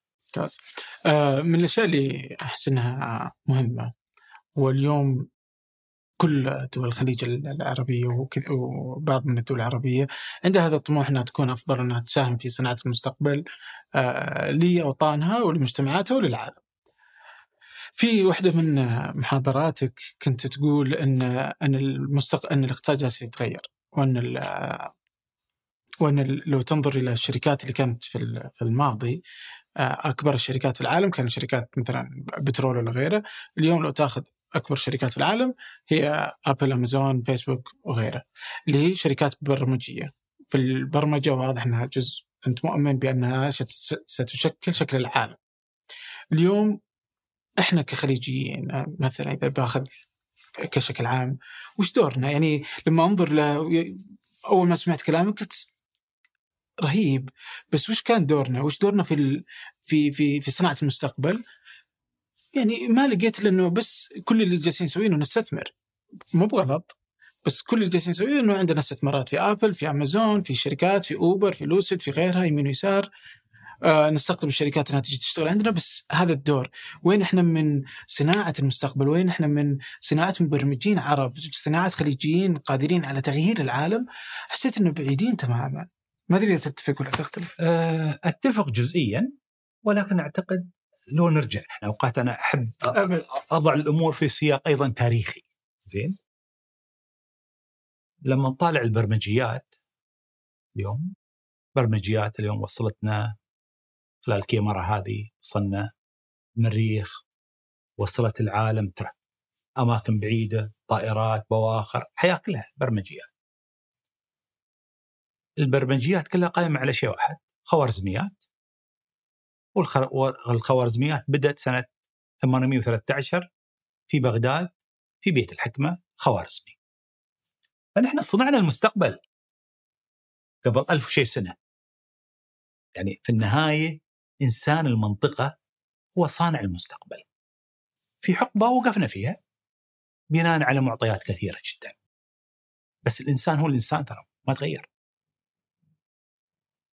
المحيط والبيئة تغيرت. هم. البيئة تخلق مب- مبدع أو إنسان محبط. البيئة. مثال أعطيك. يمكن أختلف في جزئية وأتفق معك في جزئية. أنا ما أعتقد أن اليوم خلينا نقول على هذه الطاولة هاي الطاولة. قبل ثلاث أربع سنوات يعني تليفون. محمد جيب بيسس يبغى يقابلك. ما أعرف جيب بيسس أنا. كان أعرف جماعة ثانية في قطاع التقنية بس شخصيا ما تقابلت إياه حياة. صار قابلنا على هذه الطاولة. قال والله أنا بس جاي آه، دبي أبى أشتري شركة.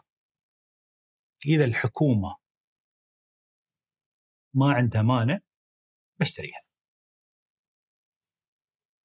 وعندكم يمكن شهرين ثلاث ما اذكر هذا ادرسوا الموضوع وخبروني. أوكي. قلت له ممكن تعطيني بس دقيقة أتوقع بسوي تليفون ولا بطلع ولا عندي شيء هذا. طلعت في الممر هذا آخر الممر مشيت فيه. اتصلت بالشيخ محمد.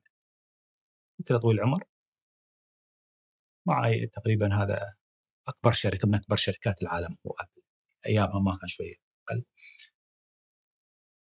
ويبغى يستأذن الحكومة عنده يبغى يشتري شركة في في دبي. ويبغى يستاذنكم إنه ممكن يشتريها ولا لا. وعطنا شهرين ندرس الموضوع هذا. الشيخ محمد قال لي ورد لازم نفهم من رد هاي فلسفة دبي. قال محمد سير قول له إذا كانت الشركة جيدة له بيحقق رب- ربحية نحن ندعمه. دقيقة رجعت له مرة ثانية. قلت له خلاص. ما يحتاج شهرين. كلمت الشيخ محمد وهذا رد الشيخ محمد. أقول لك القصة ليش؟ قصة ما في القصة نفسها. تعكس فلسفة ولكن أيضا من يملك الشركة اللي اشتراها جيف بيزوس يملكها شاب سوري. من حلب البيئة أتكلم. إذا كان مستمر في حلب يمكن اليوم لاجئ صح ولا لا؟ جاء على بيئة جيدة. البيئة اللي موجودة عندنا هنا احتضنته. ساعدته. وفرت له مقومات النجاح للشاب العربي. هذا مبروك عليه يمكن ملياردير بالدرهم اليوم. زين ما أدري. زين. ما بقول الرقم. واليوم أمازون اشتروا الشركة. اللي هو رونالدو مشحور رونالدو مشحور رونالدو مشحور سوق؟ dot com. سوق dot com. ففي قصص نجاح موجودة. إذا انخلقت البيئة السليمة. اللي عندنا. وفي قصص فشل إذا بغيت. يعتمد دائما على البيئة. الإنسان هو الإنسان. صح ولا لا؟ صح. يعني موجود أنا نفس الشخص هذا. بركات البيئة اللي خلقها الشيخ محمد. احتضانه للشباب المواهب عنده متسوقين سريين. طلعنا. أنا وغيري وغيري من الشباب. مجموعة كبيرة. أعطانا الفرصة دعمنا قادنا. يمكن حد مثلي موجود في دولة ثانية. إذا البيئة والقيادة ما ما ساعدته الشخص هذا الله يعين اليوم قد يكون. ف فالاساس هي البيئة. دور الحكومات الأساسي هو خلق بيئة صالحة لممارسة الأعمال والحياة. هذا دور الحكومة الإنسان بطبعه مبدع الإنسان مبدع. بس يحتاج بيئة؟ يحتاج بيئة. إذا بيئة ما فيها قوانين فيها فوضى فيها رشاوي. رينالدو مشحور عشان هذا لازم يشارك كأمير ولا شيخ ولا هذا ما بيوصل صح ولا لا؟ فيحتاج الإنسان دائما بيئة إذا كانت البيئة صالحة أي إنسان ممكن يبدع والإبداع مختلف من إنسان إلى إنسان ما في إنسان سيء في الحياة. البيئة تخلق واحد سيء واحد جيد. دورنا نحن خلق هذه البيئة الأساس. طيب اليوم آه، أنا جالس أسأل يمين ويسار وأعرف فلسفتك في الإدارة. اليوم وجودك في هذا المكان وجودك في آه، مدينة تتغير بسرعة استراتيجياتها تتغير آه، وحكومة. والحكومة دائما يأخذ عنها أنها بيروقراطية والبيروقراطية أحيانا تزعج ناس واحيانا يعتقدوا تكون مفيدة للناس. كيف تشوف البيروقراطية؟ كيف تتعامل مع البيروقراطية؟ متى تشوفها مفيدة؟ متى تضرب بالبيروقراطية عرض الحائط؟ أنت تخ... يعني موضوع النظام موضوع مهم قد تسميه بيروقراطية وقد تسميه نظام. الانجليز مثلا عندهم نظام جيد يعني الحكومة الإنجليزية لما تطالعها عندهم نظام ممتاز في كل شيء. ولكن يمكن أوقف الإبداع في بريطانيا. على سبيل المثال. تحتاج أنظمة جيدة ولكن تحتاج أيضا اللي يسميه شوية ديسربشن لما تطالع الأنظمة الحكومية صار لها 200 سنة 300 سنة بنفس النظام تقريبا. الديسربشن وين أتكلم عنه؟ أنا أتكلم عن الجرأة على طرح بعض الأفكار. اليوم لما سمو الشيخ محمد مثلا عين وزيرا للشباب. 21 سنة عمرها. كثيرين سألوا يعني ولا طريقه أيضا تعيينها عن طريق إنه كان يبحث عن بين الشباب في النهاية. في مقابلات الجامعات قدمت طلبات كل جامعة تنافس ولكن طلعت في النهاية لجنة قابلت الوزيره هذه فالطرح كان غير اعتيادي مو بيروقراطي نسميه. وتعينت اليوم وزيرة شابة مسكت ملف الشباب. في جميع الدول العربية عندنا الرياضة والشباب بتلاحظ. كأن فقط اللي يمارسون الرياضة شباب والشباب ما يسوون شيء إلا فقط الرياضة. مش الثقافة مش تكنولوجيا مش ماشيين ترى 50 70 سنة السيستم ماشي. يا شيخ محمد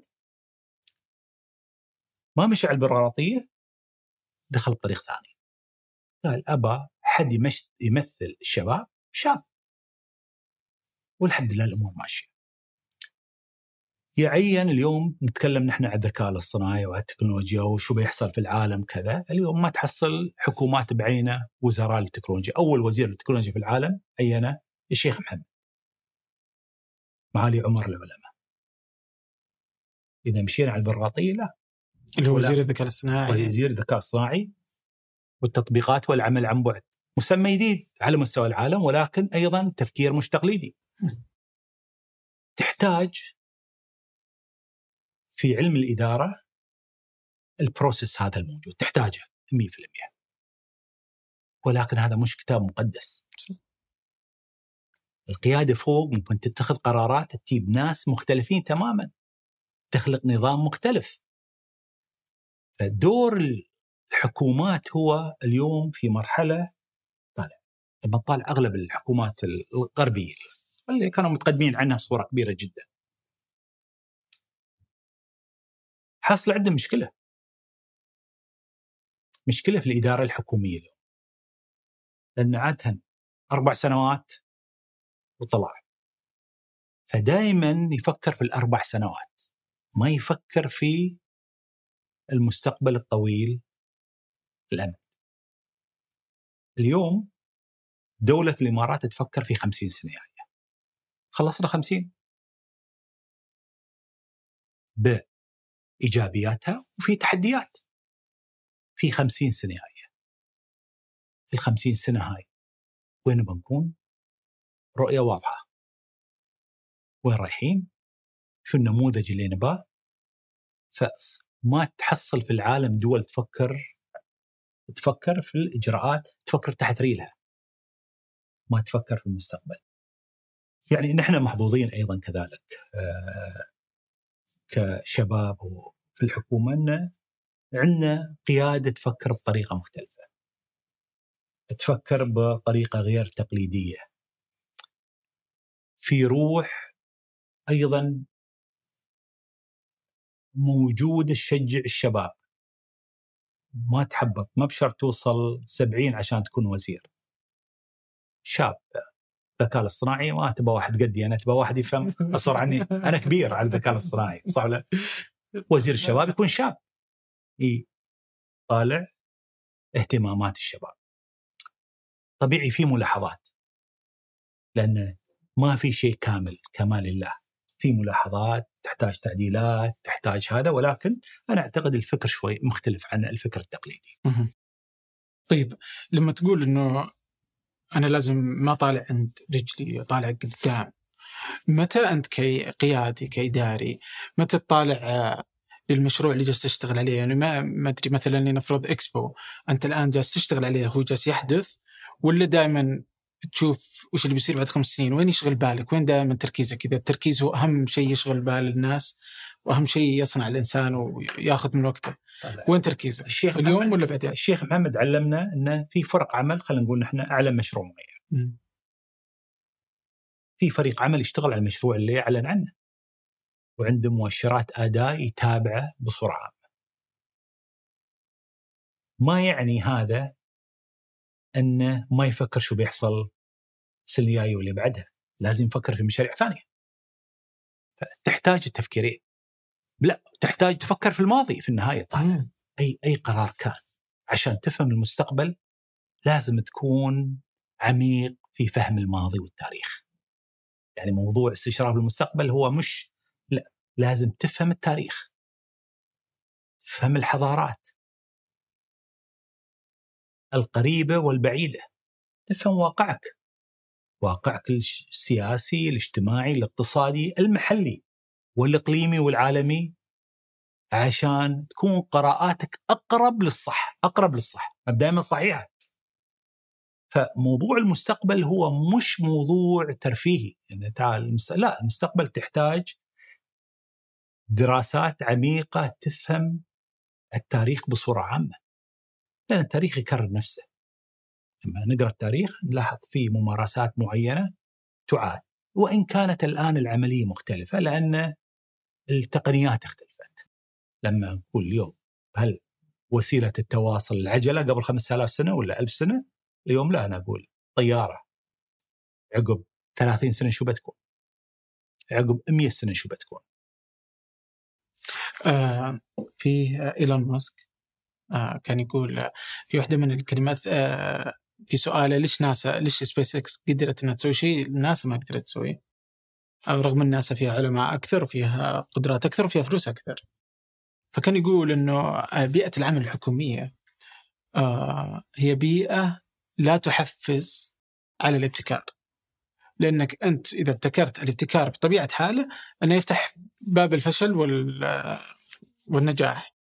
لكنك إذا فشلت في الحكومة فأنت ستعاقب. ما حد قال لك تسويه.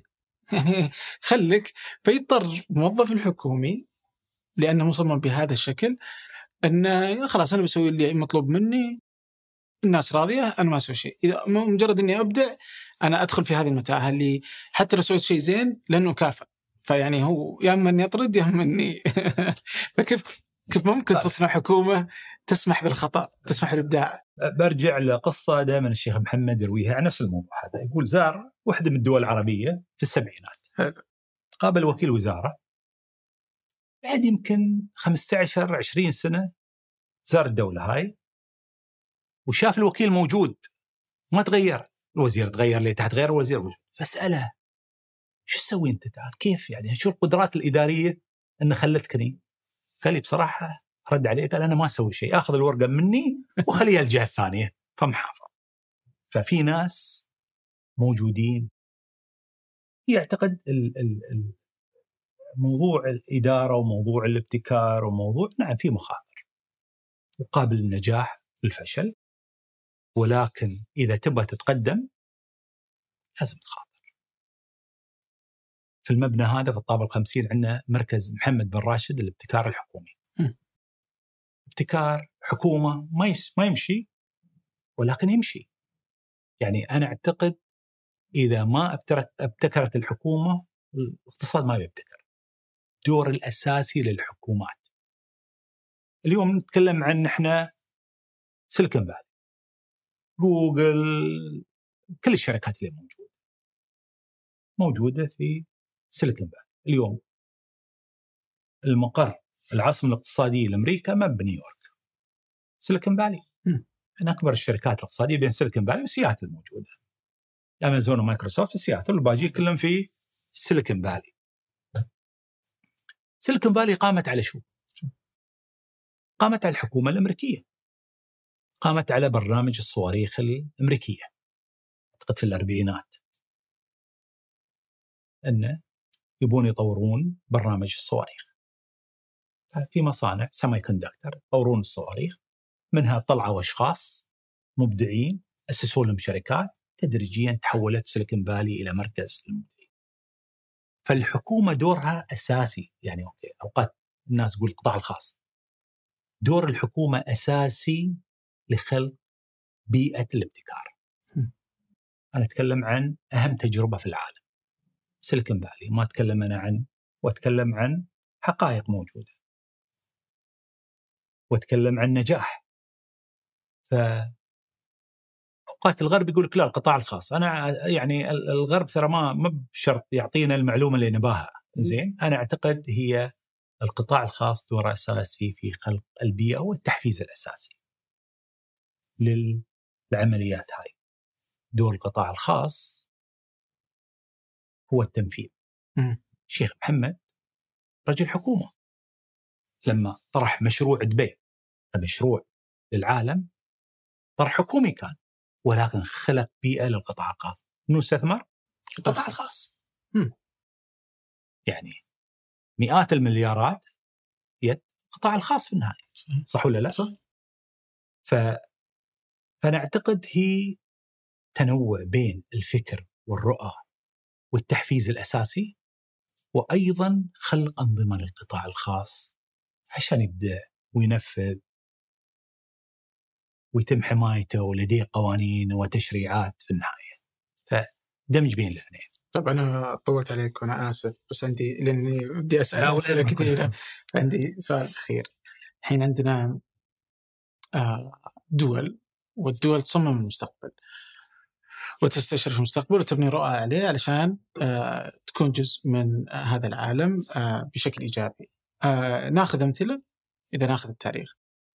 كوريا الجنوبية كيف قدرت إنها تغير من من شكلها إلى أنها تصبح واحدة من أفضل الدول في العالم اللي عندها أفضل الشركات في العالم المصنعة واللي يقوم عليها العالم. تايوان اللي اليوم يعني يقوم العالم على قدرته في تصنيع الموصلات أو أشباه الموصلات. آه اليابان كيف تتغير ما بعد الحرب العالمية آه وعلى ذلك فقس بعض الدول اللي قدرت إنها تحول نفسها سنغافورة هل من الممكن صناعة نموذج عربي بهذا الشكل؟ ليش إلى اليوم ما قدرنا نستشرف المستقبل ونصنع شكل يخلي العالم يقوم حولنا؟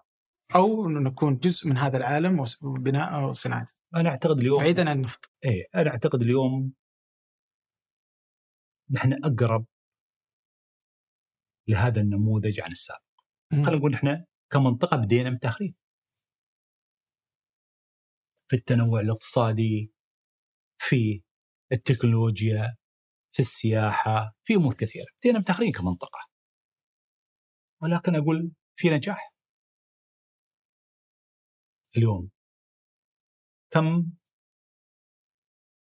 الناتج العام لدبي من البترول؟ بسيط جدا. أقل عن 5% ففي تنوع اقتصادي في تجربة موجودة في تنوع اقتصادي. بتحدياتها ولكن في تنوع اقتصادي اليوم موجود. التصنيع كان التركيز يمكن في السابق في السابق على المنطقة في الخليج على البتروكيميكال أغلب المصانع لأنه طبيعي شيء متوفر شيء عندك أفضل لك عندك أنت تنافسيه عاليه في في أسواق وفي أيضا اقتصاد تكاملي بالنسبة للبتروكيميكال. تحتاج بشر. اليوم إشباه الموصلات ولا القطاعات هاي تحتاج في النهاية قدرات بشرية. تقنية ولكن قابلة للتنفيذ. ما أعتقد. أنا أقول تونا بادين. المنطقة توها استيقظت. بعدنا ما تحركنا كمنطقة. أسواقنا كبيرة. أسواقنا نتكلم نتكلم أسواق المنطقة ككل وأسواق المحيطة بالمنطقة ككل. في فرص موجودة؟ في قدرات بشرية موجودة. العالم العربي فوق ال 400 مليون فقط العالم العربي. طالع الدول المحيطة أنت محيطك رهيب أكثر عن أي مكان ثاني اليوم. موقعك عامل الاستقرار مهم جدا. بالنسبة لقطاع التصنيع لأن طالع بعض الدول في كورونا تأثرت. لأن مصانع وقفت فانا اعتقد المستقبل في المنطقة. إذا كنا عقلانيين إذا نعرف نتعامل مع عالم مجنون. المرحله هاي شوي مرحلة تحتاج إلى حكمة أكثر والصبر أكثر وتأني أكثر. ولكن المستقبل أتصور بيكون مستقبل طيب. الله يعطيك العافية. الله يعافيك إن شاء الله. يكرمك أكرمتني. اسمح لي. لا لا الله يعطيك العافية. طولنا عليك. لا أنا اللي أخذت من وقتك الكثير وهذا من كرمك الله يحفظك إن شاء الله. شكرا جزيلا. الله يخليك إن شاء الله. الله يحفظك. الله يحفظك. شكرا لكم. شكرا آه لأسيبة عبد الله وعيسى النهاري في إعداد الحلقة وفي الهندسة الصوتية محمد الحسن التحرير عدي عيسى واللي غلبته في الإعداد معي أصيل فرط واللي أزعجني أيمن الحمادي. هذا فنجان أحد منتجات شركة ثمانية للنشر والتوزيع ننشر كل الإنتاج بحب من مدينة الرياض. الأسبوع المقبل ألقاكم.